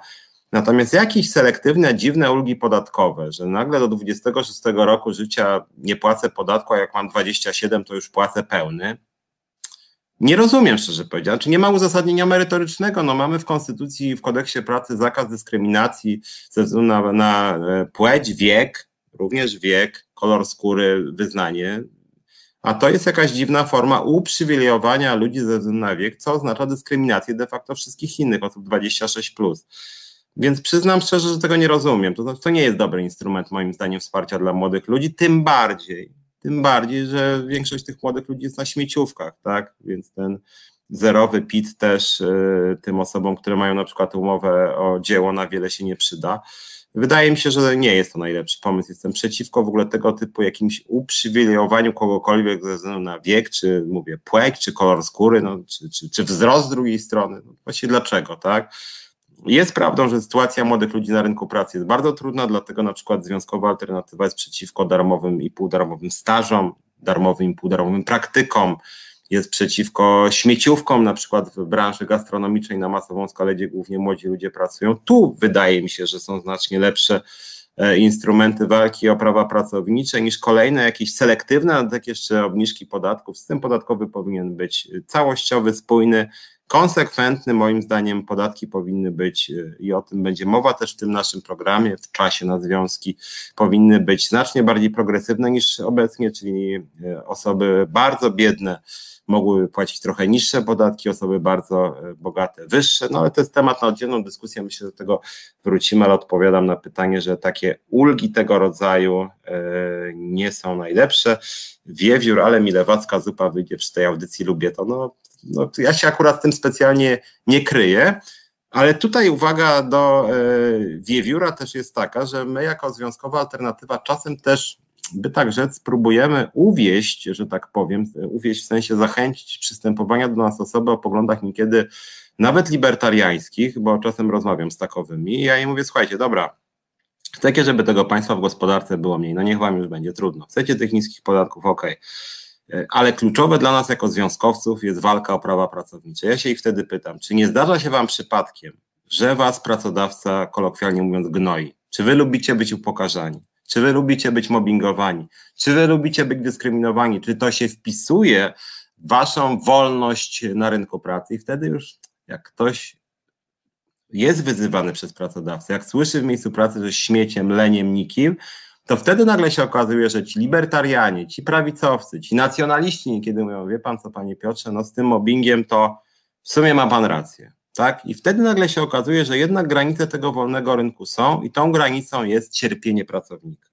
I wtedy już można zacząć, zacząć rozmawiać, bo ja mówię, słuchajcie, jeżeli wy nawet nie lubicie specjalnie państwa, to ja mówię, związki zawodowe to nie jest państwo. Związek zawodowy to jest organizacja, która walczy z wyzyskiem, to jest walka ludzi, którzy walczą o swoje interesy. Wy często odwołujecie się do interesów. No to tak jak pracodawcy walczą o swoje interesy, to my, związkowcy, walczymy o interesy pracowników, więc chodźcie z nami, chcecie mieć lepsze warunki e, pracy, to do nas po prostu przystępujcie. Nie chcecie być mobbingowani, to do nas przystępujcie. O to chodzi w związkach zawodowych, więc czasem nawet do tej lewackiej zupy czasem, że tak powiem, zaczyna ją tam jakoś chrupać, y, wstydząc się trochę na początku. Niekiedy jakiś libertarianin, nawet jakiś skrajny liberał gospodarczy, który mówi, no dobra, no niech wam już będzie. Chcę niskich podatków, ale z tym mobbingiem na przykład, żeby z nim walczyć, to macie rację. Więc tutaj, więc tutaj niekiedy nawet można przekonać ludzi, którzy wydawałoby się mają zupełnie inne od nas poglądy, w ogóle nie kojarzone e, z lewicą, E, Anna Gryta, gdyby ludzie bardziej interesowali się tym, co się dzieje, nauczyliby się wymagać realizacji obietnic, a politycy przyzwyczailiby się do odpowiedzialności wobec wyborców. My wychowaliśmy taką władzę. Znaczy, w pełni się zgadzam. To znaczy, to jest też tak, że ja bardzo lubię, jak wiecie, merytoryczne rozmowy i konkrety. Jak się mnie pytacie, czy jesteś za jakimś tam, nie wiem, podatkiem, takim, siakim, owakim, albo za liberalizacją ustawy aborcyjnej, to ja mówię bardzo jasno, tak. Na przykład jestem za liberalizacją ustawy radykalną, e, aborcja powinna być e, punkt dodany na życzenie. Jestem za radykalnym e, ograniczeniem przywilejów kleru. Jestem za tym, żeby podatki były bardziej progresywne. Jestem za tym, żeby radykalnie ograniczyć umowy cywilnoprawne, a, a politycy bardzo często ściemniają niestety, e, rozmywają, a jak już e, coś obiecują, to obiecują 10 rzeczy, łącznie zresztą z PiSem, tak, bo PiS dotrzymał obietnicy odnośnie 500+, ale nie dotrzymał 90% innych obietnic, ludzie tak, no dobra, jedną obietnicę dotrzymali, w związku z tym są fajni, tak, a już na przykład program mieszkaniowy PiSu Mieszkanie Plus to jest jakaś kompromitacja plus, tak? Mieli walczyć z układami, a że tak powiem, no to szczególnie śmieszne chyba, bo takich układów, powiązań nieformalnych z Kościołem, ze znajomymi biznesmenami jak zarządów PiSu, to w historii Polski chyba nie było, tak? Służba zdrowia miała się rozwinąć i zwiększyć dostępność, to jest jakiś śmiech na sali, PiS rozwala służbę zdrowia. Mieli poprawić jakość edukacji, a mamy tak naprawdę kompromitację na każdym polu, jak chodzi o szkolnictwo, tyle tylko, że część wykładowców i, e, i nauczycieli i uczniów boi się o siebie, po prostu pan Czarnek ich straszy, a pani Zaleska, no to w ogóle też jakiś śmiech na sali, nie miała pojęcia o niczym. I można tak długo wymieniać, tak? PiS przecież no, cała była paleta obietnic, a dotrzymali trzy i reszta już uznali, że mogą w ogóle nie dotrzymywać, więc wydaje mi się, że faktycznie no, ludzie mogliby troszkę więcej oczekiwać kompetencji i wiarygodności. No niestety, niestety z tym jest y, bardzo źle. E, panie Piotrze, to pan nie wie, że my finansowani przez Kreml, według mojej wiedzy, jestem dobrze poinformowany, jesteśmy kompletnie niefinansowani przez Kreml. E, mówię teraz o resecie obywatelskim. Z Kremlem nie mam nic wspólnego. Ja się zresztą muszę powiedzieć, wam dziwię to, że część mm, polskiej lewicy jakąś sympatią darzy Putina. E, ja muszę powiedzieć, że go nie darzę sympatią. E, podobnie jak Trumpa nie darzę sympatią, natomiast część osób chyba z racji jakichś sentymentów za Związkiem Radzieckim, tylko warto pamiętać, mówię to jako związkowiec też, a nie tylko jako obywatel czy osoba, która polityką się interesuje, Putin prowadzi bardzo niesprawiedliwą politykę społeczną, w Rosji są gigantyczne nierówności społeczne. To jest takie rzecz, o której się bardzo rzadko mówi, jak się rozmawia o Putinie, bo on ma inne grzechy na swoim koncie. Ale to dla mnie jako związkowca akurat jest ważne, że ta polityka społeczno-gospodarcza Putina i w ogóle Rosji od wielu lat, no niestety jest raczej inspiracją dla środowisk gospodarczo no, mało pracowniczych nie ma sprawiedliwej polityki, a jeżeli pracownicy e, e, wchodzą w niewygodne dla władzy związki zawodowe, to są po prostu prześladowani, tak jak w Polsce zresztą, bo w Polsce też sam jestem związkowcem, wiem co PiS wyczynia w spółkach Skarbu Państwa i niestety muszę wam powiedzieć, że takiego zamordyzmu jak zapisu, jak chodzi właśnie o prawa pracownicze, ich łamanie, to nie było. To znaczy to, co się dzieje, działo się przynajmniej niedawno w portach lotniczych, dzieje się cały czas w locie, dzieje się na poczcie, dzieje się w wielu, wielu spółkach Skarbu Państwa, instytucjach państwowych, to nie było od wielu, wielu lat tak antypracowniczej władzy. Więc jak ktoś mówi, że ten PiS to może i zamordystyczny, ale przynajmniej tam, nie wiem, jest propracowniczy czy prosocjalny, nie. Nie. Ja nie jestem fanem Platformy Obywatelskiej, ale tak antypracowniczej władzy jak pisowska to naprawdę nie przypominam sobie. Oni robią rzeczy straszne. Ja brałem udział w strajku w locie. Cała paleta okrutnych praktyk, okrutnych, mobbingujących, bezwzględnych. Ludzie po prostu płakali.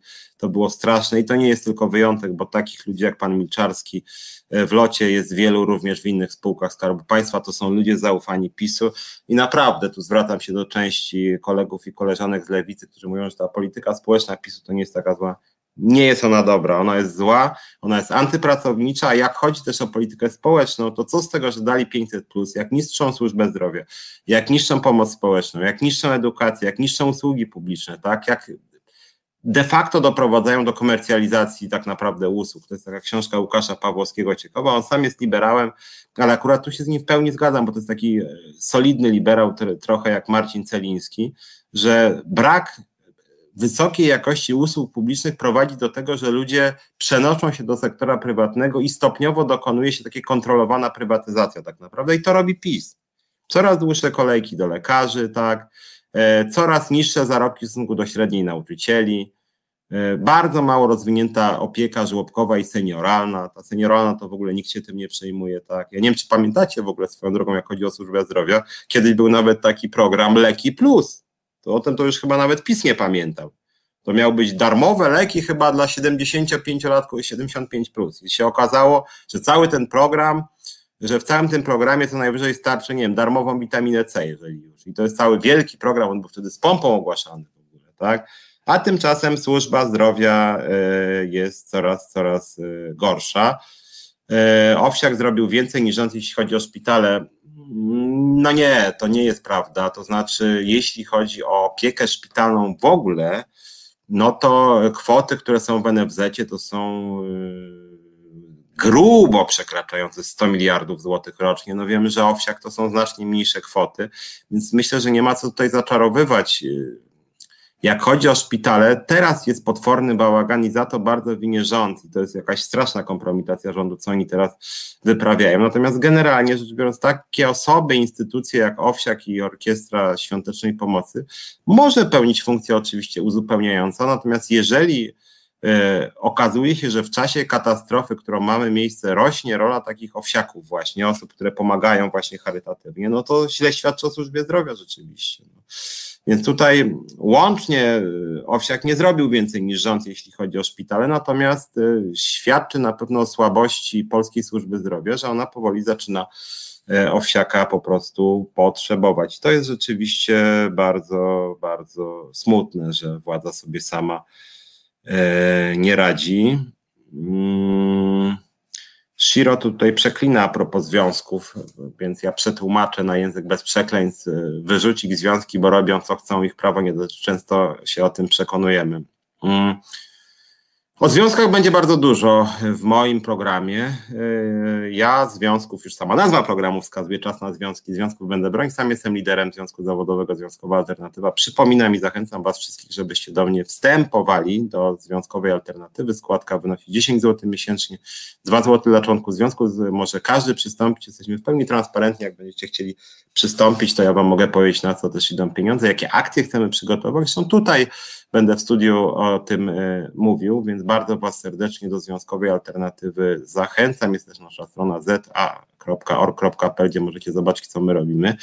Więc przepraszam za taką reklamę, ale ten program też prowadzę jako związkowiec, więc chciałbym, żebyście do związków przystępowali. Natomiast e, odnosząc się, bo nie uciekam nawet przed hamowatymi pytaniami, przynajmniej merytorycznymi, powiem tak, bo hamowatymi wolałbym nie, ale w, w tym głosie Shiro jest też pewien merytoryczny ślad, że tak powiem, o tym, że właśnie związki są samowolne, ich prawo nie dotyczy, jak to napisał. E, otóż celem związkowej alternatywy jest odnowa związków, bo ja paradoksalnie częściowo, częściowo się z Panem zgadzam odnośnie tego, co robi Solidarność czy OPZZ. Rzeczywiście uważam, że związki bardzo często te duże centralne są w różnych układach, nieformalnych, że niestety często tam krążą jakieś dziwne kwoty pieniędzy, że często to jest totalnie niekontrolowalne coś jak Kościół katolicki trochę, tak? Więc tutaj rzeczywiście jest tak, że często ci bonzowie typu tam, nie wiem, Radzikowski, Ostrowski, Piotr Duda czują się bezkarni rzeczywiście robią co chcą, a niewiele robią dla pracowników. E, I właśnie dlatego chciałbym jako związkowa alternatywa tą sytuację zmienić. Więc jeżeli pan będzie miał jakieś zarzuty do tego, co ja mówię, będę mówił o tym, co my robimy, to wtedy bardzo chętnie niech pan napisze, jakie pan ma już bardziej merytorycznie i bardziej kulturalnym językiem wątpliwości, bo uważam, że związki naprawdę są bardzo potrzebne.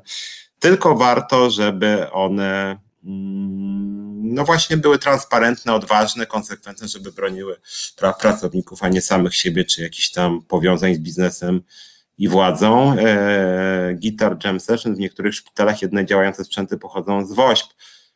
E, być może tak jest. E, ja tutaj nie chcę się przedstawiać jako ekspert od służby zdrowia, jestem e, związkowcem, natomiast według mojej wiedzy, owszem, niektóre sprzęty pochodzą z WOŚP, tylko pamiętajmy, że największe koszty NFZ-u to nie są koszty sprzętu, tylko to są koszty wykwalifikowanej opieki medycznej, to są koszty lekarzy, to są, no to, jest, to są przede wszystkim koszty organizacyjne, kompetencje, leki, no to wszystko jest bardzo drogie, ale najważniejszą w cudzysłowie rzeczą w służbie zdrowia są po prostu pracownicy służby zdrowia. I to oni powinni być e, dobrze wynagradzani, dobrze przygotowani, zabezpieczeni przez koronawirusem, więc to moim zdaniem jest bardzo, bardzo ważne. Pani Aneta się śmieje Kaczyński maczą. No, no jest to trochę śmieszne, ale on nie jest taki trochę maczystowski w takim szerszym tego słowa znaczeniu. On na przykład on jest mam wrażenie, że on, on jest bardzo zamknięty. Jak już wyraża emocje, to robi to w jakiś strasznie agresywny sposób. Mam wrażenie, że on w ogóle nie potrafi rozmawiać. Potem ten jego maczyzm jest też taki bardzo przemocowy, bo na przykład jego podejście do kobiet demonstrujących, te jego decyzje są strasznie, no w gruncie rzeczy właśnie przemocowe, tak, że setki tysięcy młodych kobiet, trochę mężczyzn wyszło na ulicę i mówią, słuchajcie, co wy z nami robicie, tak, przecież te wrzaski, te przekleństwa na ulicach całej Polski, to chodziło o cierpienie, o lęk, tak? Wyszły młode kobiety, boimy się, wy nam chcecie zrobić krzywdę. I mówią de facto Kaczyńskiemu człowieku, ja nie wie, my nie wiemy, czy ty jesteś świadomy, ty chcesz nas krzywdzić, my się boimy o swoje życie i zdrowie, ty w nas wywołujesz lęk. A Kaczyński wystąpił i powiedział, wiecie co, moi ludzie teraz na was wyjdą, zachęcam moich ludzi, by wam jeszcze spuścili manto. No to jest, to jest, to jest właśnie taki najgorszy typ takiego maczyzmu niedialogowego, który się właśnie nie cofa, tylko jeszcze raz walnie w zęby, a jak ktoś mówi, słuchaj, boli nas, tak, to on wtedy wali w żołądek, tak, więc po tym rzeczywiście Kaczyński to jest taki najgorszy rodzaj macho, niezależnie od tego, na ile te skojarzenia jego, że tak powiem, wizerunku mogą od tego odbiegać, ale jego postawa jest bardzo okrutna i taka męskość w najgorszej postaci. Dobrze byłoby, żeby ten rodzaj męskości znikł z polskiej e, rzeczywistości. E, idę tutaj na dół do Waszych komentarzy, chociaż chyba może mi się uda wszystkie komentarze, ale wątpię niestety.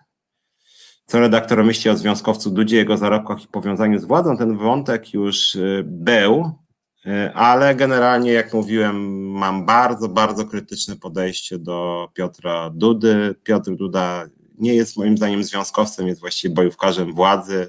Jest mi wstyd za Dudę, mogę raz jeszcze robiłem to zaapelować do ludzi z Solidarności, albo żeby tych przyzwoitych, żeby występowali z Solidarności, a jeśli nie, no to nie wiem, może naciskajcie jakoś na te wasze władze, żeby to tak źle nie wyglądało, bo naprawdę wsparcie dla jakichś bojówkarzy w walce z młodymi kobietami, no to, to jest straszne po prostu, a dokładnie E, takie coś z siebie wydobył Piotr Duda. Wcześniej brał udział w marszach niepodległości. No, związki zawodowe to są organizacje, które mają na celu statutowo nawet walkę z dyskryminacją, walkę z ludzką krzywdą, z wyzyskiem, walkę również z dyskryminacją kobiet. No jak związkowiec może zachęcać swoich działaczy, żeby szli pałować kobiety? No a to de facto powiedział Duda, apelując, żeby jego działacze przystępowali E, no, do tych e, bojówek pana Bankiewicza. No, to przecież jest jakieś po prostu przerażające, tak? E, pani Anna Małgorzata mówi o tym, że dużo ludzi leczy się prywatnie w ramach pakietów medycznych, ale to jest właśnie to, co mówiłem. To jest to, co mówiłem o postępującej stopniowej, niekontrolowanej, a może trochę właśnie kontrolowanej, celowej, ale ukrytej prywatyzacji służby zdrowia, że niby PiS mówi tak, tak, my bronimy państwowej służby zdrowia, ale jak państwowa służba zdrowia jest niedofinansowana, jak ludzie muszą czekać na operację 10 miesięcy i wizytę u lekarza na przykład 8, ee, no to wtedy rzeczywiście muszą iść prywatnie, bo inaczej po prostu ich życie i zdrowie może być zagrożone i to jest wina niestety władzy, a to się pogorszyło bardzo w ostatnich latach. Zawsze było średnio, przynajmniej w ostatnich kilkunastu latach, ale PiS to bardzo, bardzo pogorszył, więc wydaje mi się, że e, to akurat niestety się dokonuje, więc wszyscy powinni korzystać z NFZ-owskiej służby zdrowia, a mam wrażenie, że PiS świadomie i celowo e, że tak powiem, wygania część ludzi do prywatnej służby zdrowia, no bo jak ja mam czekać, nie wiem, na operację kolana czy oka 10 miesięcy albo 2 lata, no to rzeczywiście będzie zrzutka w rodzinie albo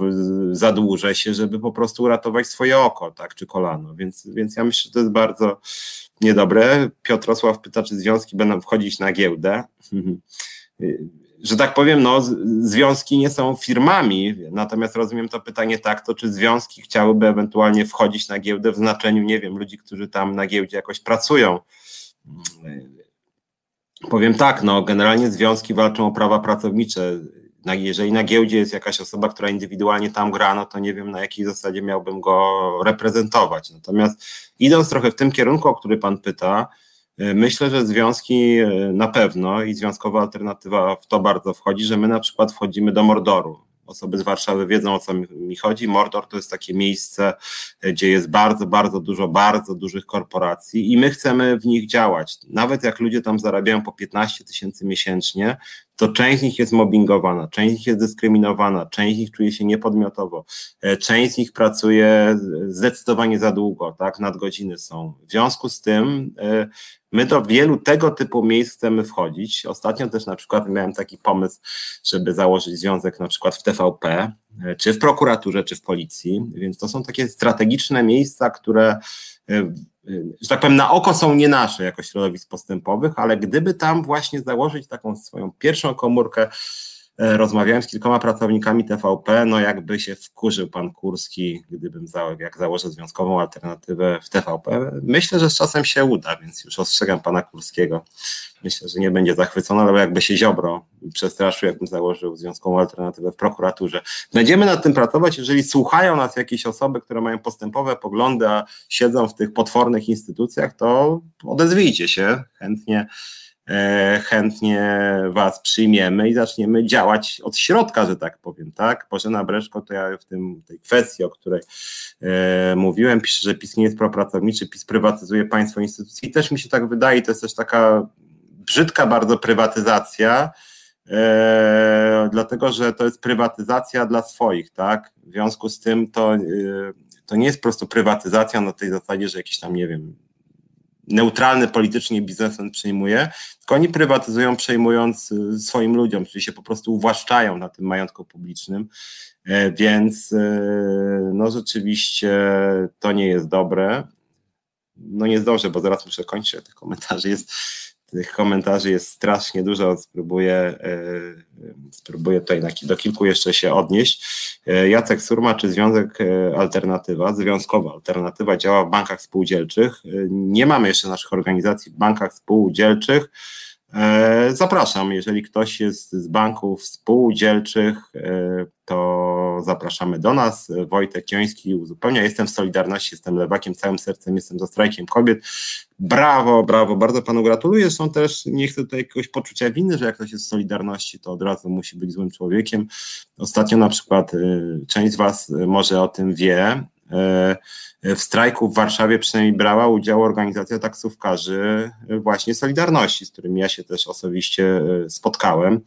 E, więc e, też się cieszę i to, to, to bardziej takie chyba pokazanie panu Dudzie Piotrowi, że, e, że naprawdę nie wszyscy twoi ludzie, że tak powiem Piotrze, Dudo, mm, mają tak okrutne poglądy jak ty, więc może jeżeli takich więcej byłoby jak tutaj pan, to być może też by Duda trochę zmienił poglądy, bo on nie musi popierać tego strajku kobiet, no ale przynajmniej mógłby no nie mówić takich obrzydliwych rzeczy po prostu, tak? E, cieszę się, że Barbara Słotwińska pisze, że jestem jedną z niewielu osób, którym ufam. Mam nadzieję, że będę na to zaufanie zasługiwał i przez w tym programie też będę starał się odpowiadać również na e, Wasze e, trudne pytania. Powoli muszę kończyć, więc może tylko tak podsumuję ten dzisiejszy program. Bardzo się cieszę, że bardzo, bardzo wiele osób tutaj do mnie napisało. Jeżeli nie odpowiedziałem na część pytań, to możecie je powtarzać po prostu w nas bliższych programach. Już za tydzień lub dwa będę e, zapraszał tutaj e, osoby, z nimi rozmawiał i też zachęcał do komentowania. Jeżeli macie jakieś informacje o patologiach na rynku pracy, jakichś skandalach związanych głównie z łamaniem praw pracowniczych, ale nie tylko, to też piszcie. Możecie też się do mnie odzywać e, jako do związkowca ja mam maila szumlewicz.za.org.pl szumlewicz.za.org.pl Możecie też pisać do związku biuro małpa.za.org.pl Jako związkowiec bardzo chętnie pomogę, jako dziennikarz e, Resetu Obywatelskiego bardzo chętnie nagłośnię sprawę łamania praw pracowniczych i w ten sposób też będzie to presja na nieuczciwego pracodawcę, żeby zaczął się trochę bać, a myślę, że nasz Reset Obywatelski, mój program będzie coraz bardziej popularny, że ludzie będą go czytać, a jeżeli będzie miał większy zasięg, to też nieuczciwi pracodawcy będą się bardziej bać. Więc bardzo, bardzo, bardzo Wam dziękuję. Zapraszam za tydzień o godzinie 17, a dzisiaj mówię do widzenia. Podobał Ci się ten program? Reset to medium obywatelskie, którego jedynymi sponsorami jesteście Wy. odbiorczynie i odbiorcy. Wesprzyj nas na zrzutka.pl i pomóż budować niezależne medium.